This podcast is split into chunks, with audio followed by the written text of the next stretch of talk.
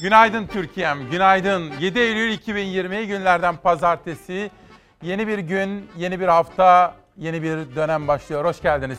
İsmail Küçükkaya ile Çalar Saat'te aynen devam diyoruz ve ülkemizin gerçeklerini hep beraber konuşacağız. Hayalini kurduğumuz ülkeye ulaşmak için hakikat yolculuğuna olan cihazımızda devam edeceğiz. Ekonomi diyeceğiz, işsizlik. Ülkemizin en can alıcı sorunlarına yine burada bakacağız.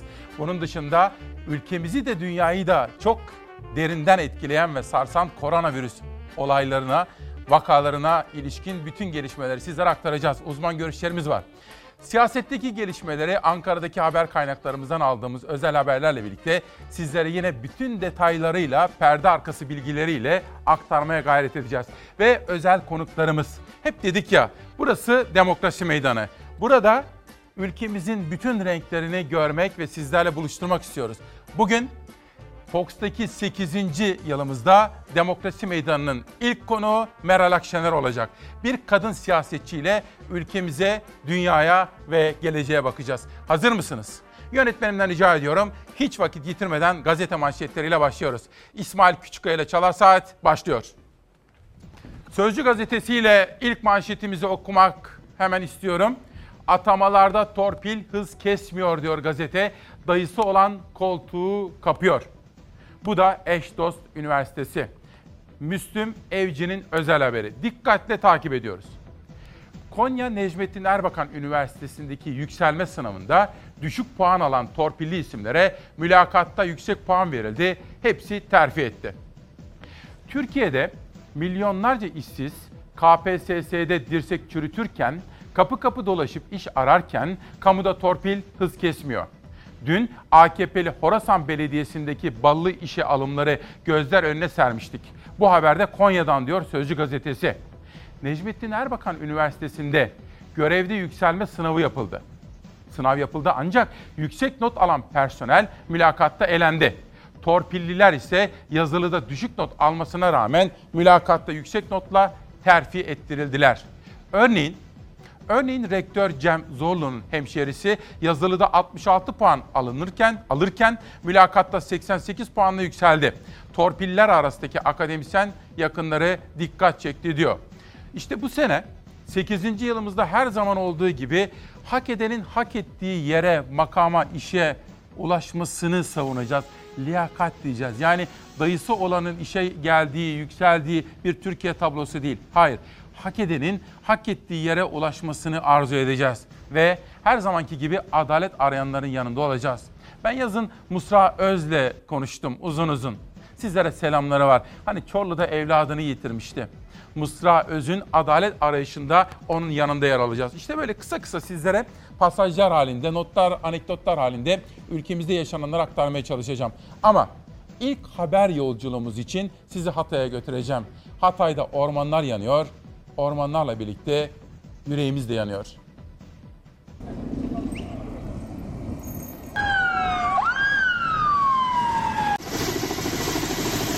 Kontrol altına alınan yangın yeniden alevlendi. Alevlerin tehdit ettiği bir mahalle tahliye edildi. Tarım ve Orman Bakanı Bekir Pakdemirli söndürme çalışmalarını yerinde takip ediyor.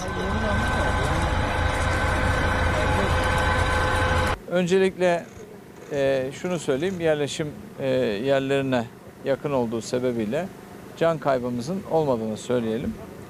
E, Yaylacık Mahallesi ve Kisecik Mahallesi'nde birer samanlık bir miktar zarar gördü. Bunlara da müdahale edildi. E, bir mahallemizin de e, özellikle uç kısımları ile ilgili e, tedbiren bir e, tahliye gerçekleşti. Hatay'ın Samandağ ilçesinde önceki gün başlayan orman yangını kontrol altına alınmıştı. Yeniden alevlerin yükseldiği bölgede 2 uçak, 12 helikopter, 182 arazöz, 24 iş makinesi, 45 teknik personel ve toplamda 792 personelle yangın söndürme çalışmaları devam ediyor. Antakya ilçesine de sıçrayan orman yangınının takibi için Hatay'a gelen Tarım Orman Bakanı Bekir Pakdemirli can kaybı yok müjdesi verdi. Rüzgarın sık sık yön değiştirmesi e, ve sürekli atlamalar yapması, arazi şartlarının e, gerçekten çok engebeli olması e, ve tabii ki meteorolojik şartlarda da havanın çok kuru olması sebebiyle e, yangınla ilgili e, bugünkü e, noktaya kadar geldik. Bakan Pakdemirli yerleşim yerleri etrafında önlemlerin artırıldığını açıkladı. Türkiye'de aynı günde 24 farklı orman yangını çıktığını açıkladı bakan. Bugün tüm Türkiye'de 24 yangın çıktı ve bunun 13 tanesi kontrol altında, 8 tanesi tamamen söndü, 3 tanesi devam ediyor. Biri Maraş Andırın yangını, biri İzmir Kınık yangını, biri de şu anda burada bulunduğumuz Hatay Samandağ yangını. En zorlu yangın söndürme mücadelesi engebeli arazi koşulları nedeniyle Hatay Samandağ'da devam ediyor. Gece boyu da çalışmalar sürecek. Sabahın ilk ışıklarıyla beraber de talimat verdim. E, su atar araçlarımız, hava araçlarımız, helikopterlerimiz ve uçaklarımızla gün doğumundan yaklaşık yarım saat önce havalanarak e, yangına müdahale etmeye devam edeceğiz.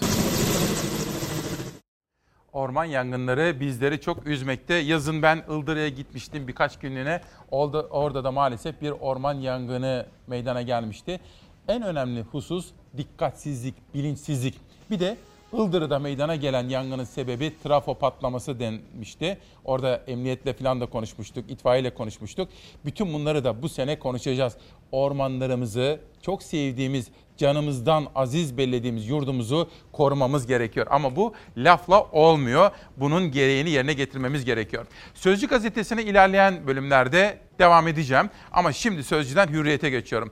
Hürriyet'in manşetinde iki haber var manşeti ikiye bölmüşler. İkisi de koronaya dair. Bugün ve bundan sonra korona ilişkin haberleri de sizlere yine detaylarıyla anlatmaya gayret edeceğim.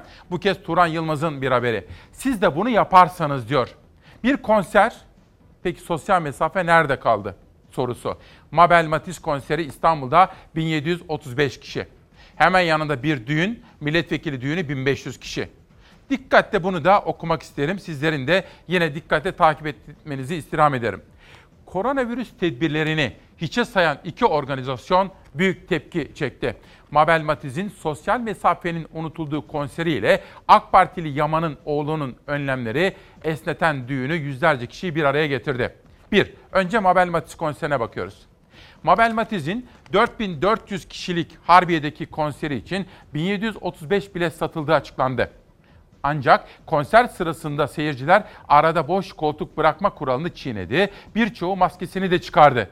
Diğer etkinlik ise AK Parti Kocaeli Milletvekili Cemil Yaman'ın oğlunun önlemleri esneten nikah töreni oldu. Ki bu düğüne dair haberleri ve milletvekilinin açıklamalarını da sizlere bu sabahki buluşmamız içerisinde yine anlatmaya, aktarmaya gayret edeceğim. Yaklaşık 1500 kişinin katıldığı düğünde yasak olmasına rağmen yiyecek içecek servisi yapıldı bir saatlik süre sınırlamasına da uyulmadı. Kocaeli Büyükşehir Belediye Başkanı Büyük Akın'ın kıydığı nikaha Kocaeli Valisi Yavuz ile siyasetçiler, belediye başkanları ve birçok ünlü isim katıldı. Tabii geçtiğimiz haftalarda şöyle tartışmalar da yaşandı. 30 Ağustos hani bizler ülkemizin kurucu önderine, onun değerlerine, milli bayramlarımıza çok hassasız ya. Acaba bu hassasiyeti herkes başta iktidar gösteriyor muydu? 30 Ağustos'ta yasaklamaların arkasında ne vardı? Bunlar çok konuşulmuştu. Akabinde Cumhurbaşkanı Erdoğan'ı yurt gezilerinde sel felaketi yaşayan Giresun'a gittiği zaman meydana gelen görüntülerde haklı olarak tepki çekmişti ve eleştiri konusu olmuştu. Şimdi de bir düğünden bahsediyoruz. Ne demişti Cumhurbaşkanı Sayın Erdoğan? Uyarıyoruz, dinlemiyorlar. İşte bu sabah Çalar Saat gazetesinin manşetinde bu olayı da dikkatlerinize getireceğim. Ama öncelikle İlk durağımız Hatay'dı. Şimdi sizleri Gaziantep'e götürmek istiyorum. Bir baş sağlığı için. Türkiye'min başı sağ olsun. Bir, bir şehidimiz var. İdlib'ten acı haber geldi. Eli kanlı teröristler bölgede ateşkesi sağlamakla görevli Türk askerini hedef aldı. Saldırıda ağır yaralanan 28 yaşındaki uzman onbaşı Serdar Aslan şehit oldu. Acı haberi memleketi Gaziantep'e kor gibi düştü. Bahar Kalkanı Harekat Bölgesi'nde huzuru sağlamakla görevliydi Mehmetçik. Bölgede ateşkesi kalıcı hale getirmek için silah başındaydı. Suriye'nin İdlib kentinde görevli askerlerimiz hain teröristlerin saldırısına uğradı. Alçak saldırıda piyade uzman onbaşı Serdar Aslan ağır yaralandı. Hemen hastaneye sevk edildi. Ancak yapılan tüm müdahaleye rağmen kurtarılamadı. 28 yaşındaki uzman onbaşı şehit düştü. Evliydi Serdar Aslan. 3 yaşında da bir çocuğu vardı. Daha ona doyamadan teröristlerin hain saldırısıyla can verdi. Uzman onbaşının şehadet haberi memleketi Gaziantep'e ulaştı. Baba ocağına dev Türk bayrakları asıldı. Şehit Serdar Aslan bugün memleketinde kılınacak cenaze namazının ardından son yolculuğuna uğurlanacak. Şehidimizin kederli ailesine ve ulusumuza başsağlığı diliyorum efendim. Böylece Sözcü ve Hürriyet'ten hemen sonra Bir Gün Gazetesi'nde yine çarpıcı bir manşet var. Onu da sizlerle paylaşmak isterim. Salgının felakete dönüşmemesi için 7 acil önlem. Lütfen efendim, lütfen dikkatle takip ediniz. Çünkü her şeyden önce can sağlığı. Bizim İsmail Küçükkaya ile Çalar Saat ailesi olarak bu sene 8. sezonumuzdaki bir numaralı konu bu olacak. Uzman görüşleri. Mesela ben dün de Bedirhan Üstün hocamızla konuştum. Hatta o kadar etkilendiğim bazı hususlar oldu. Ben bilgilendim, sizlere aktaracaktım. Sonra cep telefonumu çıkardım. Cep telefonumla bir video çektim. Onu da sizlerle paylaşacağım. Hatta yönetmenimden rica edeyim. Hazırsa onu bile şimdi verebilirim. Çünkü bu yıl koronavirüse ilişkin, ilişkin bilgi, bilinçlendirme ve uzman görüşlerine her zamankiden daha fazla görüşümüz var. Haberi okuyorum. Yönetmenim de beni uyarıyor. Hazırmış benim çektiğim o video. Onu da sizlere aktaracağım. İktidarın hatalı politikaları korona salgınını başa döndürdü. Dolup taşan hastaneler, yorgun ve hasta sağlık çalışanları sonbaharla birlikte artacak vakaları göğüsleyemez. Uzmanlar acil atılması gereken adımları sıraladı. Bakalım neymiş bunlar? Risk grubunda olan kronik hastalar 65 yaş üstü ve sağlık çalışanlarına ücretsiz zatüre ve grip aşısı yapılmalı. Pardon. Şenaz pardon. Efendim yaptırdınız mı aşılarınızı? Lütfen aile hekimlerinize gidin. Yaşınız 65'in üzerindeyse. Ben hemen annemin ilacını organize ettim, aşısını, zatürre aşısı oldu. Lütfen ihmal etmeyiniz. Hatta grip aşısı geldiği zaman da grip aşınızda olun. Bu sene her zaman giden daha fazla önemli olduğunu belirtiyor uzmanlar. Yeri gelmişken bunu da hatırlatmak isterim. Devam ediyorum. Belirtileri birbirine yakın olan grip ile COVID-19'u ayrıştırmak için ülke genelinde yaygın yüksek sayıda test yapılmalı. Sonbaharla birlikte kapalı alanlar daha çok kullanılacak. Bu alanlarda yapılacak toplu etkinlikler yasaklanmalı, denetimler artırılmalı. İş yerleri salgının hızla yayıldığı alanlar, kritik sektörler dışında üretime ara vermeli, çalışanları ücretli izne çıkarılmalı. Tanı konulan hastaların toplumla temas noktaları kesilmeli ve geriye doğru tarama süratle tamamlanmalı. Kapatılan hastaneler açılmalı, sağlık çalışanlarının hakları ve çalışma ortamı ile ilgili iyileştirmeler yapılmalı. Yurttaşlar maske takmaya devam etmeli, kalabalık yerlerde bulunulmamalı ve mümkün olduğu kadar evde kalmalı diyor uzmanlar ki bu konudaki haberleri de sizlere aktarmaya devam edeceğim. Ama şunu da söyleyelim. Biz her zaman o kıymetli fedakar doktorlarımıza teşekkür ediyoruz ya. Doktorlarımızla birlikte hemşirelerimiz, hasta bakıcılarımız, hastanelerdeki diğer görevliler, mesela kayıt alanlar, hastanelerin eczanelerinde görev yapanlar. Bakın birkaç gün evvel Ankara'daki şehir hastanesinin eczacısı koronavirüs kaptı ve maalesef bu hayata veda edip gitti. Temizlik görevlileri hastanelerde, idari çalışanlar, onların her birine ne kadar teşekkür etsek azdır. Dün Dün bir dost meclisinde Profesör Doktor Bediran Üstün hocamla karşılaştım. Ona okulları sordum. Başka aklıma gelen pek çok soruyu yönelttim ve o da bana bazı açıklamalar yaptı. Cep telefonumu çıkarttım, kısacık video çektim. Şimdi dikkatle takip etmenizi istirham edeceğim. Evet Bediran Hocam şimdi temel konu şu biraz önce size sorduğumda ikinci dalga gelir mi gelmez mi diye sordum. Bu bilgiyi verdiğiniz bilgi bizim izleyicilerimiz de öğrensinler. Evet, ikinci dalganın gelmesi bir bakıma kaçınılmaz. Şu ana kadar virüsün toplum içerisindeki yaygınlığı yüzde yirmileri anca vardı. Yazı biraz gevşek geçirdik ve virüs çoğaldı. Şimdi Milli Eğitim okulları açarsa okullar kuluçka yuvası gibi gençlerin virüsü birbirine bulaştırdığı 5 ila 25 yaş arasındaki e, kesimin onlar hastalığı kendileri olmasalar bile büyüklerine geçirdiği bir şey olacak. Yani biz ikinci dalganın gelmesi okulların açılmasına ve bunun nasıl yürütülmesine bağlı. Yüzde otuz yük benim e, kestirmelerime göre bu, bu faktörden etkilenecek ikinci dalganın oluşması. Bediran Hocam peki ama şunu da söyleyenler var. Okullar sokağa göre çok daha güvenli diyenler var. Çocukların eğitim hayatının çok daha önemli olduğunu söyleyenler de var. Ne diyeceğiz? Şimdi okullar tabii ki önemli ama ben e, hiçbir şekilde e, eğitim eşittir okul demiyorum. Şöyle bir e, basit bir formül önereyim İsmail. Bu hastalığın bulaşıcılık e, süresi, karantina süresi 15 gün. O zaman devriye usulü yapalım. Yani A sınıfı 1 ile 15 arası gitsin. B sınıfı 16 ile 30'u arası gitsin. Ve 15 gün tatil alsınlar 15 gün eğitimin üzerine. Böylelikle hasta olanlar ikinci evreyi kuluçka döneminde karantinada geçirirler. Ve o dönemde de bir ev ödevi yaparlar. O zaman bu hibrit dediğimiz karma sistem değil Karma mi? sistem ama bunu karmayı 15'er günlük devreler şart diye söylüyorum. Evet 21 Eylül'de okullar nasıl açılacak? İşte bu seneki temel gündem maddelerimizden birisi bu olacak. Bugünden itibaren en fazla dikkatle takip edeceğimiz konulardan birisi bu. İşte böyle efendim ekonomi bakacağız. Ekonomiye dair en önemli gelişmeleri başka gazete ve televizyonlarda göstermedikleri haberleri sizlere aktarmaya çalışacağım. Ülkemdeki en temel meselenin işsizlik olduğunu bilmekteyim. Özellikle okumuş çocuklarımız şimdi evlerde beklemekteler ve iş arıyorlar, iş. En önemli konu bu. İki, korona. Koronaya dair haberleri de sizlere detaylı olarak aktaracağım. Ve siyaset. Siyasetteki gelişmeleri yine başka gazete ve televizyonlarda göremediğiniz isimleri, olayları, kahramanları burada aktarmaya ve sizlerle buluşturmaya gayret edeceğim. Bugün İsmail Küçükkaya ile Demokrasi Meydanı'nın 8. yılında yeni bir gün, yeni bir hafta, yeni bir dönem dedik ya. Meral Akşener'le başlayacağız bugün.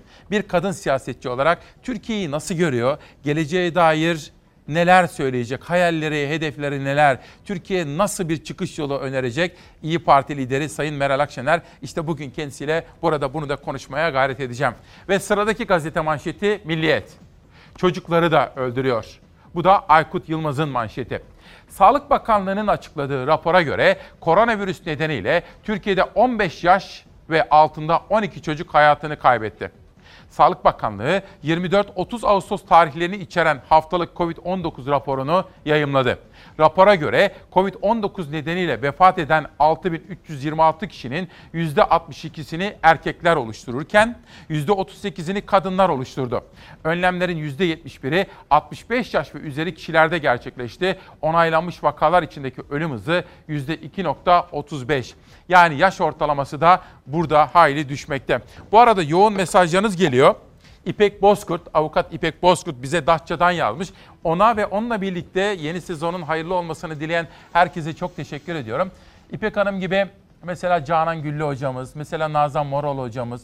O kadar çok isimler var ki ama şimdi vaktinizi almak istemiyorum. Onların her birine çok teşekkür etmekle birlikte gazete manşetleri ve haberleri hızla size aktarmak istiyorum. Çünkü konuşmamız gereken olaylar, gündeme getirmemiz gereken manşetler var.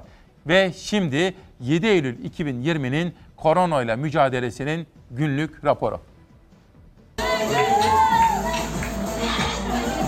Çocukları ve gençleri de etkilemektedir. Şu ana kadar ölenler içerisinde 15 yaşın altındaki çocukların olduğunu bir kez daha hatırlatmamız gerekir. Son bir ayda koronavirüse yakalanan 100 kişiden 40,1'i 20-40 yaş aralığındaki gençler. Zatüre gelişen hastaların %11'i yine bu yaş grubundan. Gençler de koronavirüse yakalanıyor hatta yaşamlarını yitiriyor. Sağlık Bakanı 20-40 yaş aralığında virüse yakalanma oranını %40'ın üzerinde açıkladı. Hep birlikte tedbir vurgusu yaptı. Son tabloya göre 6 Eylül'de 53 hasta hayatını kaybetti. 1578 kişi de daha koronavirüs tespit edildi. 3 gün sonra 1600'ün altına düştü tespit edilen günlük hasta sayısı ancak virüs nedeniyle hayatını kaybedenlerin toplam sayısı her geçen gün artmaya devam ediyor. Bu artış Eylül ayı sonu itibariyle daha da yükselme potansiyeline sahip. Hükümetin ivedi olarak toplumsal hareketliliği sınırlayacak önlemler alması gerekir. Ancak toplumsal hareketlilik bir türlü sınırlandırılamıyor. Koronavirüs tedbirleriyle yapıldı KPSS ama bazı şehirlerde sınav alanı dışında tedbirsizlik vardı. Koronavirüs gölgesinde geçen sınavlardan birisi de KPSS yani kamu personeli seçme sınavı oldu. Devlet memuru olmak isteyen bunun için aylardır hatta yıllardır hazırlanan yüz binlerce genç bu yıl diğerlerinden farklı olarak koronavirüs tedbirleriyle sınava girdi. Gelene kadar otobüslere falan baktım çok da bir sosyal mesafeye dikkat edildiğini görmedim. Dikkat edebilen etti. Etmeyen hem kendini hem de başkalarını riske attı. Eskişehir ve Bursa'dan gelen görüntülerde okul önlerindeki kalabalık yine hiçbir önlemin alınmadığını gösterdi.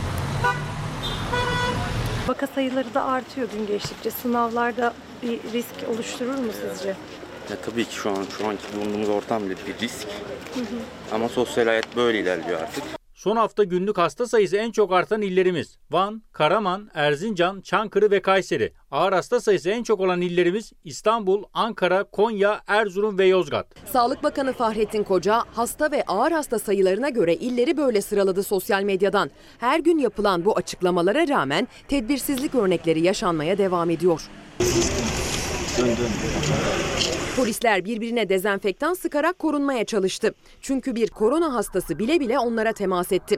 Aksaray'da dur ihtarına uymayan sürücüyü kovalamacadan sonra yakaladı polis. Alkollüydü. Covid'li olduğu ve karantinadan kaçtığı da muayene için götürüldüğü hastanede ortaya çıktı. Onunla en son temasta bulunanlar polislerdi. Hastanede birbirlerini dezenfekte ederek korunmaya çalıştılar. Rakamlar artarken hayrete düşüren duyarsızlık örnekleri birbirini kovaladı. Yurttaşın mutlaka kendi önlemlerini de eklemesi gerekir. Kendilerini ve başkalarını tehlikeye atanların adresi İstanbul Bahçeli Evler'di. Bahçeli Evler Evlendirme Dairesi'nde kıyılan nikahın ardından nikah dairesinin bahçesinde halay çekti düğün sahipleri. Sosyal mesafe kalmadı, maskeli maskesiz birbirine karıştı. Tek başına maske kullanmanın yeterli olmadığı sağlık çalışanlarının hastalanmasından ve maalesef onların yitirilmesinden açık olarak ortadadır. Haberde izlediğiniz Profesör Doktor Kayahan Pala hocamızla ilgili haksız bir uygulama vardı. Bir soruşturma başlatılmıştı ama Uludağ Üniversitesi yönetimine de teşekkür etmemiz gerekiyor veya o soruşturmayı kimler yürüttülerse bir bilim adamının asli sorumluluğunun kamuya karşı yani size halka karşı bilimsel ve doğru bilgileri aktarmak olduğunu söylediler ve o soruşturma akamete uğradı. Çok da iyi oldu. Çünkü Kayahan Pala gibi hocalarımızın konuşması gerekmekte. Dün Dün bir başka vesileyle bir takım sorular yöneltmek üzere Türk Tabipleri Birliği Başkanı Sayın Sinan Adıyaman'ı aradım. Onun da sizlere selamları var. Bu hafta çarşamba günü Demokrasi Meydanı'nın konuğu Türk Tabipleri Birliği Başkanı olacak. Peki sizler, siz çok kıymetli Çalar Saat ailesi üyeleri neler istiyorsunuz? Neler soruyorsunuz? Mutlu Dibekoğlu. İsmail Bey, canlansın diye verdikleri tatil kredilerini kim nasıl ödeyecek bir soru. Ekonominin büyük kısmı da eğitime bağlı birileri bunu sayın büyüklerimize hatırlatmalı derken Behlül Hanım, İsmail Bey iyi diyorsunuz aşı ol diyorsunuz. Ama aşı mı var diyor. Grip aşısı da yakında gelecek efendim onu da söylemiş olalım. Böylece bir gün ve milliyetten sonra Cumhuriyet'e geçiyorum. Tabii bizim içinde bulunduğumuz 8. yılımızda her zaman olduğu gibi önce adalet arayan insanların yanında olacağız. Çünkü adalet bizim çok sevdiğimiz bu ülkede yaşamamızın en temel yapı taşlarından bir tanesi. Adaletsizlik istemiyoruz. Hayır. Adaletsizlikle mücadele etmeye devam edeceğiz. İşte bu vesileyle bugün de mesela Meral Akşener'e de soracağım. Tutuklu gazeteciler sorunu da benim için de önemli, ülkem için de önemli. Mesela Murat Ağırel'in kızıyla fotoğrafını gördüm hafta sonunda Canan Kaftancıoğlu'nun paylaşımlarında. Bu konuda yine adalet penceresinde gündemimizde olacak efendim. Cumhuriyet'in manşetini okuyorum. Cumhuriyet'te bakalım ne var? İpek Özbey'in bir röportajı. İstanbul Barosu Başkanı Durakoğlu pankart olayını ve yargıdaki aksaklıkları anlattı. Savcı dosya kaçırıyor. Savunmanın önündeki engeller kaldırılmalı. Dosyalarımıza ulaşamıyoruz. Gizlilik kararları görüyoruz. Gizlilik kararı olmayan dosyaları dahi göremediğim oluyor. Savcının dosya kaçırdığı gerçeğiyle karşı karşıyayım. Bir kısım avukat pankart için izin istiyor arkadaşlarımız vermiyor. Sandalyeleri yerlere atarak zorla asıyorlar. Pankartı da polis değil biz kaldırdık. Timtik'in yargılanmasında Kiraz'ın öldürülmesi hiç gündeme gelmedi. İdamın geri getirilmesi tartışması var biliyorsunuz. Pardon bir soru soracağım. Pardon. Sizce idam yeniden gelsin diye bu tartışma neden çıkmış olabilir? Hadi sizler bu konudaki fikirlerinizi bana yazın. Ben de kendi düşüncemi sizlerle paylaşayım hükümet ve hükümet ortağı şimdi 2020 yılının sonuna doğru giderken neden idam tartışmasını gündeme getiriyor? Biraz sonra bunu biraz daha detaylı olarak konuşma imkanı bulacağım ki Sayın Akşener'e de bu konudaki görüşlerini sorma imkanı bulacağım. İpek Özbey'in röportajındaki en son spota geldi sıra. Onu da okuyalım. İdamın geri getirilmesi tartışması. Özellikle yurt dışındaki FETÖ ve benzeri suçluların iadesine dair bütün işlemlerden vazgeçilmesiyle ilgili bir anlam taşıyacağını da değerlendirmek gerekir diyor. Çok haklı ve yerinde bir uyarıda bulunuyor İstanbul Barosu'nun başkanı Durakoğlu efendim. Bir soru daha sormak isterim. Eğer idam cezası olsaydı mesela eski Genelkurmay Başkanı FETÖ kumpaslarıyla cezaevine düşmüştü. Mustafa Kemal askerleri de öyle. O kadar çok asker, subay, general cezaevine düşmüştü. Eğer idam olsaydı FETÖ'nün elindeki yargı onları asmaz mıydı efendim? Bütün bunları da düşünmemiz gerekiyor. Ama sorumu tekrar etmek isterim. Hükümet ve hükümet ortağı 2020 yılının sonuna doğru giderken birdenbire idam tartışmasını neden gündeme getirmiş olabilir? Bunu sizlerle konuşarak zihin jimnastiği yapmak istiyorum bu sabah. İşte bakalım. Heh. Bizim ana gündem maddelerimizden birisi de dünyadaki gelişmeleri yine dikkatle yakından takip etmek olacak. Sırada dünyada koronavirüse ilişkin yaşanan gelişmeler. Mesela dikkat ediniz.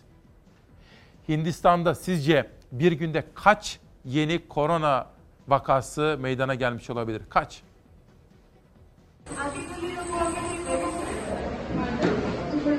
Hindistan vaka sayısında Brezilya'yı geçti. Günlük teşhiste rekor rakam görüldü. 24 saatte 90 binden fazla kişi de Covid-19 saptandı. İsrail'de artan vakaların ardından karantina uygulamaları gündeme geldi. Ancak Netanyahu hükümeti aylardır bitmeyen eylemlerden dolayı net bir karar veremiyor. Covid-19 rüzgarı etkisini artırıyor. Dünya genelinde 27 milyon 300 bini yakın insana virüs bulaştı. Can kayıpları 887 bini aştı. 19 milyon 370 bin kişi hastalığı yenmeyi başardı. Hindistan son bir haftadır rekor vakalarla sarsılıyor. 80 binden aşağı düşmeyen günlük vakalar bugün 90 bini aştı. Hindistan, Brezilya'ya geçerek Amerika Birleşik Devletleri'nin ardından en çok vaka sayısına sahip ikinci ülke oldu. 70 bini geçen can kayıpları ise endişeleri artırıyor. İsrail'de virüsün yayılımı hız kazandı. Günlük vakalar 3000'in üstünde seyredince karantina uygulamaları gündeme geldi. Ancak ülkede iki aydır gösteriler düzenleniyor. Pandeminin de derinleştirdiği ekonomik kriz ve yolsuzluk iddiaları Netanyahu hükümetini zora sokmaya devam ediyor. Karantina tedbirlerinin protestoları daha da şiddetlendirmesi ihtimaliyle henüz tedbirlere yönelik bir adım atılamıyor. İngiltere'de okullar açıldı. Virüs yeniden etkisini artırdı. Sağlık Bakanı Matt Hancock karantina tedbirleri kalktığından beri en yüksek günlük vakanın görüldüğünü açıkladı. 24 saatte 3000'den fazla insanda Covid-19 saptandı. Hancock rakamların daha da yükselmesiyle kısıtlamaların geri gelebileceğini vurguladı. Brezilya'da Rio de Janeiro sahilleri doldu taştı. Kumsallar o kadar kalabalıktı ki sosyal mesafe kurallarına uymak imkansız hale geldi. Dünyadaki gelişmelere de bakacağım. Mesela özellikle bir haber istedim. Amerika'daki seçimi de bu sene radarımıza almamız gerekiyor. Çünkü Türkiye'deki gelişmeleri çok yakından etkileyecek efendim. Heybeliada tartışması. Atatürk'ün mirası Diyanete emanet edildi. Bu konudaki eleştirilerinizi, kaygılarınızı, duygu ve düşüncelerinizi biliyorum. Bunu da konuşacağım. Hatta o konuda hazırlanan bir haberi Meral Akşener'e sorarak onun görüşlerini de sizlere aktaracağım. Her zaman olduğu gibi Siyasi farklılıklarımız gayet tabii ki olabilecek. Ama Atatürk Cumhuriyeti'ne inanıyoruz ve aydınlık gelecek konusunda bizim temel dayanağımızın Cumhuriyetimizi kurucu değerleri olduğunu biliyoruz. Bunu her zaman savuna geldik. Az evvel sizlere bir soru sormuştum. Bir izleyelim, ismini söylemeyeyim. İdam cezası gelirse bu ülkede kimi asacaklar sorarım. Yine deniz gezmişleri asacaklar diye soruyor. Hemen şunu söyleyeyim. Az evvel Yavuz Bey isimli bir arkadaşım da söylüyordu. İdam tartışmasının gündeme gelmesinin temel sebebi ekonomideki olumsuzlukları unutturmak. Çünkü iktidarlar, ülkeyi yönetenler halkın gerçek gündemi konuşmasını istemezler. Onlar kendilerinin belirledikleri yapay gündemle geniş kitlelerin oyalanmasını tercih ederler. Şahsi kanaatim odur ki daha 6 ay evvel bir af çıkartan iktidarın bakın 6 ay evvel bir af çıkarttılar. Binlerce insan dışarıya çıktı. Sayıları 90 bin üzerindeydi. Bir affı hayata geçiren bir iktidarın Şimdi daha bunun üzerinden bir yıl bile geçmeden idamı gündeme taşımasını ekonomideki olumsuzlukları ve koronavirüse ilişkin yaşanan tatsızlıkları unutturmak ve gölgelemek olduğunu düşünüyorum. Bu benim kendi fikrim. Sizler de bu konudaki duygu ve düşünceleriniz varsa bana yazabilirsiniz efendim. Peşin peşin söyleyeyim. İdamın faydalı olacağına asla ve kata inanmıyorum. Hele hukukun üstünlüğünün tam olarak henüz tesis edilemediği bu ülkede siyasi iktidarın da hukukun üzerinde etkisini yoğun olarak yaşandığı hissedildi bu ülkede idam cezasını son derece sakıncalı buluyorum. Ha, çok savuna geldiğimiz bazı temel değerlere ilişkin suçlar mı var? Sonsuza kadar cezaevinde kalmasını sağlayacak yaptırımlar olabilir. Af olmaz, indirim olmaz, ihale indirimiymiş bunlar olmaz. Bunları hayatta geçirmeden yine de o cezaları bir kişi yaşadığı sürece cezaevinde kalarak ödeyebilir diyorum efendim. Cumhuriyet'teki manşetten pencereye geçiyorum. Gözlemciye Covid-19 sürprizi. Salgın döneminde yapılan yüz binlerce kişinin girdiği KPSS sınavında Ankara'da bir skandal yaşandı. ÖSYM korona testleri pozitif çıkan adayları bir okulda topladı ama sınava gözetmenlik yapanlara bu durumu açıklamadı. Bence gerçekten büyük bir skandal. Bunu da okuyorum. Bir acil doktoru KPSS'de gözetmen olan annesinin adaylardan birinin hocam burası Covid'lerin gireceği okul mu? sorusu üzerine uygulamadan haberdar olduklarını söyledi. Ben doktor olarak şüpheli hastalara koruyucu kıyafet ne varsa giyinip giriyorum. Öğretmenler evden getirdiği maskeyle gözetmenlik yapıyor sözleriyle uygulamaya tepki gösterdi. ÖSYM Başkanlığı'na seslenerek siz bugün benim annemin canına kastettiniz diyen acil doktoru insan hayatı bu kadar mı değersiz? Biz her şüpheliden sonra acilimizi dezenfekte ettirelim ki başka insanlar hasta olmasın. Ama gözetmenler bilinen karantinada olan pozitif hastalara savunmasız bir şekilde devlet eliyle gönderilsin ifadelerini kullandı diyor efendim. Dün danışmanım Nihal Kemaloğlu'yla birlikte çalışırken Bediran Üstün hocamız vardı, Ali Kemaloğlu vardı. Bunu konuştuk. Onlar tabii tıp dünyasının yakından tanıdıkları. Biri eczacı, birisi doktor, öbürü doktor. Derken ben buradaki temel mesele nedir? İktidara nasıl yol gösteririz diye sorduğum zaman Bediran Hoca da Nihal Kemaloğlu da şunu söyledi. Hastane yapmak tamam. Ama esas olan halk sağlığını korumaktır. İyi tamam da dedim nasıl? Koruyucu hekimlik. İlk basamak tedavi hizmetlerini ön plana almamız gerekiyor. İşte Covid-19 meselesine yaklaşırken de bu temel tıp dünyasının hassasiyetini bu sene yakından gözler önüne sereceğiz. Bir soru. Çoluğunuz, çocuğunuz, torununuz var değil mi? Ya da bizi izleyen genç arkadaşlarım. Geleceğe dair umutsuz musunuz? Ya da geleceğinizden umutlu musunuz? Sıradaki haber bu konuda çok önemli bilgiler veriyor bize. Hadi başarılar. Mezun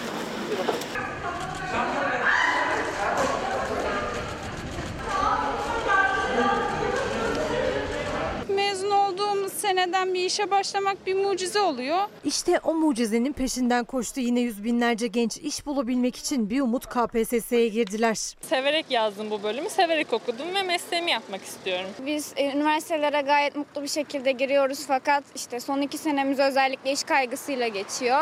E, sonra genç beyinler yurt dışına gittiği zaman e, ülkede problem haline geliyor. Uzayan sınav kuyrukları, gelecek kaygısı, işsizlik. Gençler arasında mutsuzların sayısı bu nedenlerle artışta. En mutsuz olanlarsa üniversite mezunları. çoğu iş yerleri üniversite mezunlarını e, direkt almayı tercih etmiyor. Mesela bu büyük bir mutsuzluk sebebi olabilir üniversite mezunları için. Başka bir işi yapmaya çalıştığım zaman kısacası mutsuz olurum. Çünkü herkes mutlu olduğu iş yapmak ister. Araştırmayı TÜİK yaptı. Üniversite okuyanlar arasında mutsuzluk oranının yıllar içinde nasıl yükseldiğini rakamlar ortaya koydu. 2004'te %66,8 olan üniversite mezunu mutluluk oranı 2019'da %52,7'ye düştü. Mutluyum diyenlerse hiç okula gitmeyenler ya da ilkokul mezunları. Kaçıncı girişiniz olacak sınava? 15 senedir mezun olmuşum ama bu üçüncü girişim benim. Sınava hazırlık olarak pek hazırlayamadım. İşletme mezunu. Şu anda özel güvenlik görevlisiyim. Mecburiyetten bir yaştan sonra çocuk var, e, evlilik var, iş var. İki tane çocuğum var. Şu an çalışmıyorsunuz. Geçmiş Ça- çalışmıyor. Daha çok abim işte yardım ediyor. O mutsuzluk kamu personeli seçme sınavında da yansıyordu yüzlere. Umutsuzlukta ve hayal kırıklığı da. Çünkü hayal kurmak bile sınavlı artık. Ve dakikalarla o hayali kaçıranlar saatlerce gözyaşı döktüler sınav kapılarında. Yapacak bir şey yok bu saatten sonra. Sınava girenlerse işlerinin ne kadar zor olduğunun farkında. Mezun oldukları bölümle ilgili hayaller çoktan ikinci plana atıldı. Öncelik hangi alanda olursa olsun iş bulmak. İnşaat. Hangi bölümden mezunsun? Siyaset bilimi ve kamu yönetimi. Üniversiteyi bitirdikten sonra direkt bir işe atanacağımı düşünüyordum. Ama şey bitirdikten sonra gerçekten öyle olmadığını gördük yani. Bütün öğrenciler bunu düşünüyor. Çünkü bu hayallerle işte okuyorlar bir meslek kazanabilmek için. Şartlar bunu gerektiriyor. Ya aç kalacaksın ya başka sektöre gideceksin. Maalesef günümüz Türkiye'sinde bu kaçınılmaz. Yani hangi bölüm olursa olsun hemen mezun olduktan sonra hani okurkenki süreç biraz böyle e, toz pembe baktığımız bir dönem. Mezun olunca tabii gerçeklerle karşılaşıyoruz. KPSS'ye ümit bağlamıyorum artık. O yüzden pek endişeli de değilim. Heyecan da yok. Bu konuyu ben Meral Akşener'e de soracağım az sonra demokrasi meydana katıldığı zaman. Yani çünkü gençlerimize umut vermemiz gerekiyor. Bu çok sevdiğimiz ülkede huzur içinde yaşayacaklarına dair bir umut. İşte mesela eğitim dünyasında Selçuk Pehlivanoğlu da her zaman eğitimi ön plana alan yaklaşımımızdan bahsediyor ve milletin doğru, tarafsız bilgiyi hızla bir şekilde senden giderdiklerini görüyorum diyor. Selçuk Pehlivanoğlu'na çok teşekkür ediyorum gösterdiği ilgi için. Eğitim yine her zamanki gibi temel gündem maddelerimizden birisi olacak. Ve kitaplar, kitap okuyacağız değil mi? Sizlere sıklıkla ve bolca kitaplardan alıntılar yapacağım. Değerli bir yazar Halit Kakınç, İnsaymun isimli kitabını yolladı. Elime bugün geçti. Bu kitabı okuduktan sonra size acaba ne anlatıyor diye bir özetini sunacağım efendim. Bir de sosyal medya mesajları. Sosyal medyanın gündemi de her zamanki gibi İsmail Küçükkaya ile Çalar Saat'te olacak. İşte manşetler. Profesör Doktor Bengi Başer farklı şehirlerde çalışan meslektaşlarımdan öylesine ürkütücü duyumlar alıyorum ki salgını bu aşamadan sonra 14 günlük tam kapatmaya gitmeden baskılamak imkansız görünüyor. Eğer bunu ekonomik kaygılarla yapmazsak birkaç ay sonra geri döndürülmez kayıplarımız olacaktır diyor hocamız bizleri uyarıyor. Geçelim. Profesör Doktor Necmettin Ünal, lütfen kıyafete bakınız. Kendinize acımıyorsanız bu meslektaşlarıma acıyın. Saatlerce bu kıyafet ile çalışıyorlar. Çıktıklarında durumlarını görmek bile istemezsiniz. Emeklerinize sağlık. Bunlar gerçek kahramanlar. Covid-19, maske, mesafe, hijyen ve toplu aktivitelere katılmamak çözüm diyor. Bu kurallara uyalım. Ve çocuklarımız okusun. Tarlada çalışan çocuklar konusunu hafta sonu tatilinde ailelerin yanında tarlada vakit geçiren ambalajında sunmak yüz kızartıcı değil mi? Ziya Selçuk'a çocuk işçi haberiyle ilgili duygu ve düşüncelerini soruyor ekonomist Uğur Gürses. Şanlıurfa merkezi bir haber. Çocuklarımız çalışmasınlar efendim. Çocuklarımız okula gidip hayatlarını kurtarsınlar istiyoruz. Profesör Doktor Bahadır Erdem, idam cezasına kesinlikle karşıyım diyor hukuk insanı. Ülkeye idam cezasını geri getirebilseler mahkemeler bir tane bile çocuğa istismar, kadına şiddet suçlusuna idam vermez. Ama ne yapar? Kanunu genişletir, idamı terör ve devlete karşı işlenen suçlara çevirirler. İdamı daha fazla baskı ve korkutmak için istiyorlar diyor hocamız kaygılı. Canan Kaftancıoğlu. Tanıştırayım. Ada. Babaları hukuksuz bir şekilde tutuklu bulunan sayısız çocuktan sadece biri. Bütün çocuklar gibi Ada da babası Murat Ağırel'e sarılacağı günü heyecan ve umutla bekliyor. Çocukların hayatlarından çalınıyor olmanın yürek sızısını da hepimize miras bırakarak. Hatırlarsınız bunu Tuncay Özkan yaşadı, Soner Yalçın yaşadı. Bunu pek çok gazeteci, Atatürk subayı, pek çok aydın, rektör onlar hep yaşadılar efendim. Dolayısıyla çocuklarına özgürce sarılabilecekleri günler olsun. Bir de şimdi Eylül'ün 7'si ya Kasım ayında Amerika'da seçim var. Amerika'daki seçim bizleri de çok yakından ilgilendiriyor ve etkileyecek.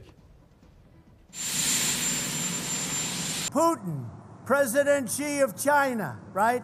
Kim Jong Un, Erdogan of Turkey, They are world class chess players. We support opposition leadership. Amerika Birleşik Devletleri seçime gidiyor. Adaylar Trump ve Biden kozlarını paylaşıyor. İki adayın da konuşmalarında Türkiye'de önemli bir yer tutuyor. Biden'ın aylar önce yaptığı konuşmadaki muhalefeti destekleme sözleri, Trump'ınsa Rahip Brunson konusunda yaptığı açıklamalar Türkiye'de de yankı buluyor. I have to say that to me Şunu söylemeliyim ki Cumhurbaşkanı Erdoğan'ın benimle ilişkisi çok iyiydi. Seni uzun süre orada tutmayı planlıyorlardı. Onunla birkaç görüşme yaptık. Sonunda kabul etti. Koronavirüs pandemisinin gölgesinde 6 Kasım'da sandık başına gidecek Amerika Birleşik Devletleri. Yarışta iki favori aday var. Biri mevcut başkan Cumhuriyetçi Donald Trump, diğeri ise Obama döneminin başkan yardımcısı Demokrat Joe Biden. Whoever it is, I don't care. I really don't care. Whoever it is, we will take them on. Seçimlere iki ay kala Trump'ın ve Biden'ın atışmaları sertleşiyor. Trump, Biden'ın ülkeyi yönetebilecek kapasitede olmadığını söylüyor. Biden ise Trump'ın Amerikan tarihinin en kötü başkanı olduğunu ifade ediyor. Erdogan of Turkey. Trump ve Biden'ın seçim kampanyalarında Türkiye'nin de adı geçiyor. Trump Cumhurbaşkanı Erdoğan'dan satranç ustası diye bahsediyor. Amerika başkanı olacak kişinin de bu satrançta iyi olması gerektiğini savunuyor. Putin, President Xi of China, right? Kim Jong Un, Erdogan of Turkey. They are world class chess players. Amerika Başkanı Rahip Brunson'ın da Amerika'ya dönüşünü seçim malzemesi yapmayı ihmal etmiyor.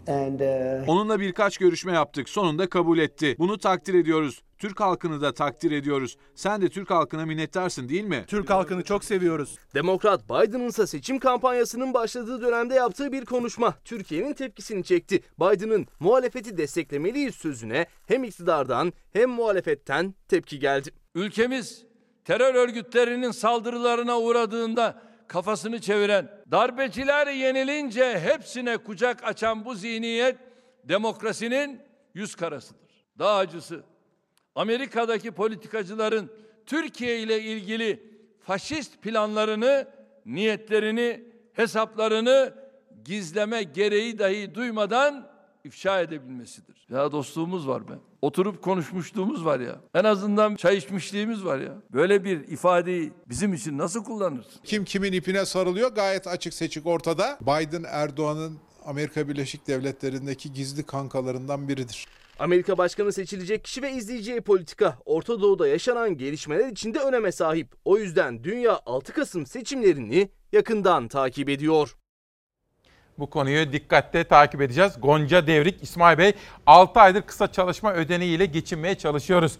Turizm sektöründekilerin, çalışanların, emekçilerin, turizm çalışanlarının sesi olur musunuz diyor Gonca Devrik. Arkadaşlarım beni uyarıyorlar. Meral Akşener gelmiş efendim. İzin verirseniz ben Meral Hanım'ı bir karşılayacağım ve sizlerle buluşturacağım. Ona sormak istediğim çok soru birikti. Bu arada yeni kitaplar Hikmet Çiçek, Çiçek'ten FETÖ'nün solcuları bana da imzalayarak göndermiş ve çok teşekkür ediyorum. Bu kitapta benim okuyacağım kitaplar listesine girmiş oldu. Size bir müzik armağanı yapacağım. Biraz vakit kazanmak istiyorum ama sözlerini de dikkatle takip etmenizi istirham edeceğim. O arada ben Meral Akşener'i karşılayıp hoş geldiniz diyeceğim ve huzurlarınıza getireceğim. Olur? Bir yanımızda yar sevdik Bir değil bin bir kere Sırat köprüsünden geçtik Cehennemden en illetin ta göğsünü deldik geçtik Bu yolda dönenler oldu Mum gibi sönenler oldu Yar göğsüne baş komadan Vurulup düşenler oldu bu yolda dönenler oldu Mum gibi sönenler oldu. Yar göğsüne baş komadan Vurulup düşenler oldu. Bir sen kaldın geride. Bir sen kaldın geride. Ah akıp gidiyor hayat. Yüreğim anlıyor seni. Artık susma yorgun demokrat. Ah akıp gidiyor hayat. Yüreğim anlıyor seni. Artık susma yorgun demokrat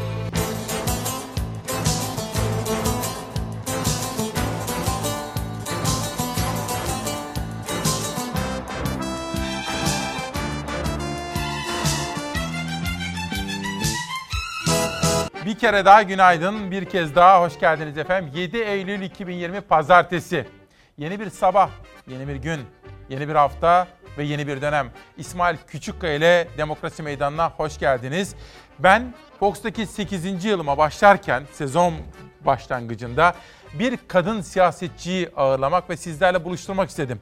Kendisine pek çok selam vardı üzerimde. Onların hepsini ilettim. Tabii sizlere şimdi tek tek söyleyemeyeceğim ama toplu olarak kendisine selamlarınızı ilettim. Şimdi Demokrasi Meydanı'nda kendisiyle konuşacağız. Sayın Genel Başkan hoş geldiniz. Hoş bulduk. Nasılsınız? Ben çok iyiyim.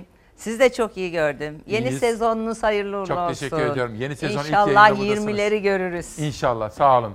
Sağlıkla olsun. Evet, sağlıkla, sıhhatle, Korona mutlulukla. ile konuşmak istiyorum önce. Korona nasıl korunuyorsunuz efendim ve durum çok iyi gözükmüyor. Hiç iyi gözükmüyor. Şimdi siz Anadolu'yu gezmeye devam Evet. ediyorsunuz. Evet, evet.